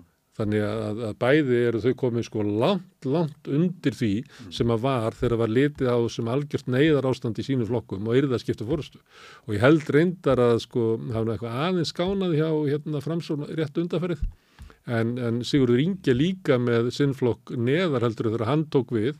Og það varða skiptum fórustu vegna þess að við gátum ekki haldið áfram með hérna, Sigmund Davíð, segir hann við sitt flokksfólk, við erum nýja breytingu því annars bara missum við flokkin hann er líka fyrir neðan það. Já, Þrátt fyrir sko, svo ótrúlegu kostningu síðast. Já, já, það, það er allt flætt tilbaka sko. Þau eru öll fyrir neðan sko neyðar hérna, bjölluna sem að ringdu sem að kölluð á kynnslóðskiptin á sínum tíma. Já og, og breytingin sko í Reykjavík sko með, með Lilju og Ásmund Einar að sanga konunu núna þá er það bæðið auðvitað þings. Já, já. Já, já, það er erfitt já. að spá í þetta nýri svona smáatriði, finnst mér sko, það er að vera að spá svona... Nei, segi þetta átt að vera svona, e, sko það bræðs að þau komu með, að, þetta þótti svona áraðin fyrir ásmund einar sem áttalega áttinga framtíðir lengur í norðaustugjörðami. En það sömuleiti þá er þetta til þess talandum að vera að keira svona einni fórustu, að þá hafði framsunaflokkurinn raunverulega gott tæki fyrir á því að keira á svona breyðari fórustu með því að bara búa til ákveð svið fyrir Lilju, láta hann að vera kannski sérfræðingin í ríkisfjármálum og eitthvað svona sem að þú veist væri bara málsvari flokksins í tiltunum málum. Ásmundur Einar hefur verið vinsæl, það er eitthvað dalað aftur. Já, hann er korfið bara. Já, þannig að þeirra, framsunaflokkur hafiði möguleika á þessu að vera svona svolítið breyðari En það er eitthvað svona tilneying á því að, sko, að, að fórustan vilji, þetta er eiginlega bara Sigurður Ingi. Já, já, hann eigi að vera já, sá sem er Kat, Katrín, að það er náttúrulega, kemur innan úr, þetta er eiginlega gamla alltíðubandalegð, það sem er bara hefð fyrir því að séu jáfnveil sko öflugir hópar sem er að berjast við völdin sko, Ólaf Ragnar og Svavar og... Það er ekki svolítið núna. Nei, en, en minna, flokkurinn var ekki lítill þá, þeir voru bara í könnunum 17, 20, 22% á, á, á þeim tíma, allþýðu bandaleið, en núna er, er hérna vinstri græn í ykkur botni og, og meiri sér Svandís sem að gæti verið svona Gordon Brown á móti Tony Blair svona, þú veist að gæti verið svona tvíhöfða að hún eiginlega má ekki tala um ríkistöldun á þess að, að detta í ræður um, um hvað Katrín sé óveifengjarlega stórgóðsluðu leiðtói Gerði það hérna í okkur. Já, gerði það okkur. Já. Þannig að bara þessi á meðan breytist lítið að stilla upp stjórnmálaflokkum sem breyðum hópum er bara eins og það sé ekki tísku hjá þessum PR skrifstofum sem að flokkandir er að sækja fylgja sér til. Nei, en svo vorum við með fyrir þættinu náttúrulega, vorum við með hérna Finn Björn Hermansson fórsett aðeins í til dæmis já. og hann er nokkuð bjart sitt greinlega með, með að samninga sér að takast, eða samninga muni takast alltaf ég segja. Já, það er, þú heyrið þetta líka bara innan úr þeim Já. sem eru, ég bara, mann ekki eitthvað sagði það í ykkur að það var lítið sem að bæra á milli í samtök aðurlýsins og hvað kallar þetta, breyðfylkingu verkefnsfélagana í, í krónutölu. Já. Þetta var bara sagt í fréttanum og þú veist að samlingarnir eru alltaf byrjaðir sko. Já, en þá þarf ríkið að koma með sitt sko. og þá koma samtök aðurlýsins mm. Og verkefnsefingin samilega með kröfu um Já. að, að ríkistjónin gerir þetta og þetta og þetta. Ég minnst ekki alveg hafi komið nógu skipt fram hvort að sko samtök aðriðsins taki undir allar kröfur verkefnsefingarinar um barnabætunar og eitthvað hlera. Ég, hef ekki alveg... Vakstabætu til dæmis. En þau eru mjög samstega í því að gaggrína sveitafélagin fyrir gjaldskrárhækkanir. Mm. Samtök aðriðsins komið með kvartningu til fyrirtæki að halda aftur af, af verðhækkunum sem er svona- sama var gert í þjóðasáttin í Galanda Já, þá var hérna svona lögga á öllum hækkunum. já. Hmm. Við sjáum nú hvernig það gengur. Já, en ég menna, mm, mér finnst það ekkert svona ólíklegt en þetta er búið að hækka svo mikið, sko. Já, ég það. Að það er, ég held að sé ekki þannig að, að fyrirtækin í landinu séu horruminni, sko. Nei. geti alveg setið á hækkunum í, sko, átta mánuði á þess að deyja, sko. Já, já, já, já. Ha. Já, já. En við vonum það bara að verði hérna að komist uh, ró og kyrða á þetta bara í fyrsta februar. Já, ég, hérna, eins og ég var að reyna að koma fram að ég held að, að sko, út af hvernig ríkistöndin er, að þá held ég að sé bara ágætis líkur á að, að hérna, hún sætti sig við að ef að við ætlum að, lifa út kjörtímabilið, að þá verðum við að hérna, ganga að einhverjum gröfum og það er bara gjaldi sem við höfum til þess að í vonandi verði verðbólgan komið nýður þegar verður kosið 2025 uh, og að við séum sko ríkistjótt stöðuleika og ykkur þjóðarsáttar og því hvernig ætlaði að fara öðruvísi í kostingar sko, þetta er, eiginlega- þetta er besta svona, Já, já, já. besta Það vera- spilið. Það verður að færa þeim bara ás á hendi. Algjörlega, ég held að. Og það má hérna á eitthvað tuð í Brynari Níelsinni eða Ólabitni eða eitthvað svona, ég held að skipti bara engu máli í, í, í, samhengi við það, hinn kosturinn að sprengja upp kjærasamninga, hérna verið verkvöld, hérna haldi áfram hérna, eh, hérna verðbólga, hvað er þessi flokkar að gera þá? og fara eins og þau eru að tala um að fara að tala um okkar gildi eitthvað út í sveitunum, ég Já, og hvað flokknum hefur místekist mikið að koma sjónarmiðum fram. sínum á, fram, sínum á framfæri. Já. Þeir eiga eina eh, hérna, dagblað landsins. Já, stjórnar Já. ég myndi að segja það og, og, og ég heldur hafi mjög sterkt ítök líka í, í, í hérna, fjölmjölum sínar og muni ennþá vestna sko ef að sín selur þetta og verða einhverju svona peningakallar sem kaupa það sko þá erum við komin í fjölmjölu umhverfi sem er bara hryllilegt sko. Og líðandi. Já, við vorum að tala um að, að, að tala um Ari Edvald sem er var, fyrirverandi varaþingmaður ekki Já, það var aðstofn að þetta Þorstins Pálsson. Ég man ekki eftir Já, ég held að hann hann var í einhverjum prófkjörum og Já, ég tölur. Ég man þar, sko. og eflust verið sko formaður fjáröflunarraðsflokksins og hann var, hann var innstikoppur hann í búri sko Já, já. og það er einhver hópur sem hann leiðir sem að muni kaupa vísi og bylgjuna og við erum alltaf að fara inn í við erum að fara inn í Í sko já, hryllileg endalók uh, frjálsa fjölmjölun í Íslandi sko Já. já, Já, en við sýtum í, í nýju fjölmili sem Já. er að gera það á gætt. já, já. Svo er það heimildin eins og hún Já, er ég held að hún sé að styrkjast þeir eru að ráða fólk og og ff7.is. FF7 eru eh, líka bæta við sér fólki það er að þekka. þannig að Einhver staðar er þetta. Það Já. eru ljóstýrur hér og þar. Já, þetta er svipað og við getum verið að tala um verkefnisreifingun í bandaríkjánum að, að fyrst er hún bara uh, eiginlega þurrkuð út og svo koma einhver svona vísar af því að ef þú kúar fólk endalust þá springur eitthvað upp sko. það eru hérna skipulög verkefnisreifing í kringum Amazon eða McDonalds og svona einstök fyrirtæki.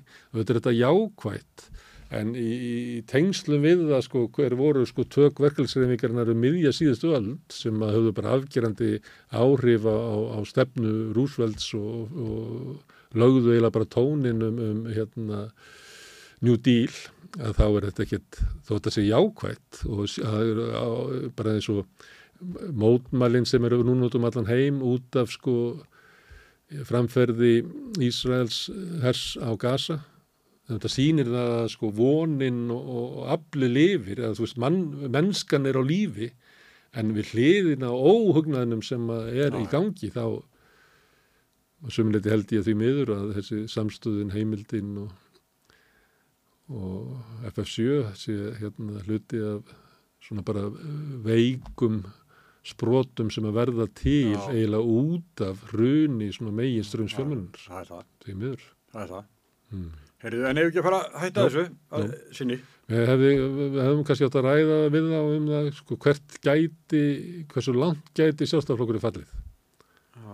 Mér fannst þess að Robert Marshall svona var að gefa tónin að kannski getur það bara fallið ennþá lengra. Kannski ættum við að fara að velta þið fyrir okkur í staðin fyrir að, að sjálfstæðarflokkur sé okkur um botni, hann hljóti að fara eitthvað upp Já, aftur. já. Kannski geti sjálfstæðarflokkur bara fallið á, á þessu kjörtumabili niður í 13 eða 12% bylgi. Þá verður allt vittlust í valöld. Já, ég er eiginlega komin frekar á þá skoðun. Að, að, að you ain't seen nothing yet. Já, við sjáum hvað setur. Ok. Herðu, og við hérna þökkum kjærlega fyrir öllum gestunum sem hafa komið yngað, ykkur sem hafa verið að hlusta. Minnum á að samstöðin er samstæðsverkefni okkar sem erum að búa til þetta hérna, bæði hérna með myndavillana og hinum einn og ykkur sem hafa komið og hlustið og horfið og, og lesið. Hvet ykkur til þess að hjálpa okkur að byggja upp samstöðina, að hluta til er hún samvinnuverkefni okkar, stefnumót og þið getið byggt upp samstöðuna með því að læka síðunar okkar og efnið okkar á Facebook og YouTube, láta vini og vandamenn vita af okkur, við erum uh, á þessum samfélagsmiðlum og svo erum við líka í öllum hlaðarsveitum, við erum í útvarpinu á 89,1 á FM hérna á Stór höfuborgarsvæðinu og svo erum við á spilaranum, þar má fylgjast með útarsendingunum okkar, það er spilarinn er bæð á netinu, spilari.is en er líka app sem að má hlaða niður í síman ykkar og þá getið þið hlustað á samstöðun og reyndar allar íslenskar útastöðar hvað sem er í heiminum. Svo erum við komin á sjónvarstöðar, við erum komin frá símanum að þá erum við þar númer 5 á fjastýringunni. Þið sem að fáið uh, sjónvarpið ykkar frá Nova eða Vodafone að kannski ættu að nippa í þessi fyrirtæki og því að þeim munar ekkert um að taka samstöðuna upp hjá sér líka. Uh, okkur gengur bara ekki alveg nógu vel að ná sambandi við þessi fyrirtæki. Þetta eru stór og mikil fyrirtæki og við erum lítil uh, fjölmjöla fyrirtæki allavega þeirra huga en við sjáum til hvernig, að, hvernig það vindur fram. Uh, á morgun er mánundagur og þá verður rauðaborðið hérna klukkan átta en uh, fyrir rauðaborðið að þá verður þáttur með rauður ömurleika þar sem verður talað við Mími Kristjánsson sem er þingmaður raukt í Noregi. Hann er af íslenskum ættum pappans er Kristján Guðjónsson sem að lengi var á sínu tíma var formaður KSML og lést á síðasta ári Kristján, pappi Mímis hvet ykkur til þess að fylgjast með því að rauðaborðin verður eitthvað áhverð og svo á morgun mun líka koma í, aftur í gagnið uh, þáttur sem að var hérna um tímabili það er leiðandin sem að Guðmundur Hrafn Argrímsson sér um. Það er margt að um að vera á samstöðinni hvet ykkur til að fylgjast með. Takk fyrir í dag.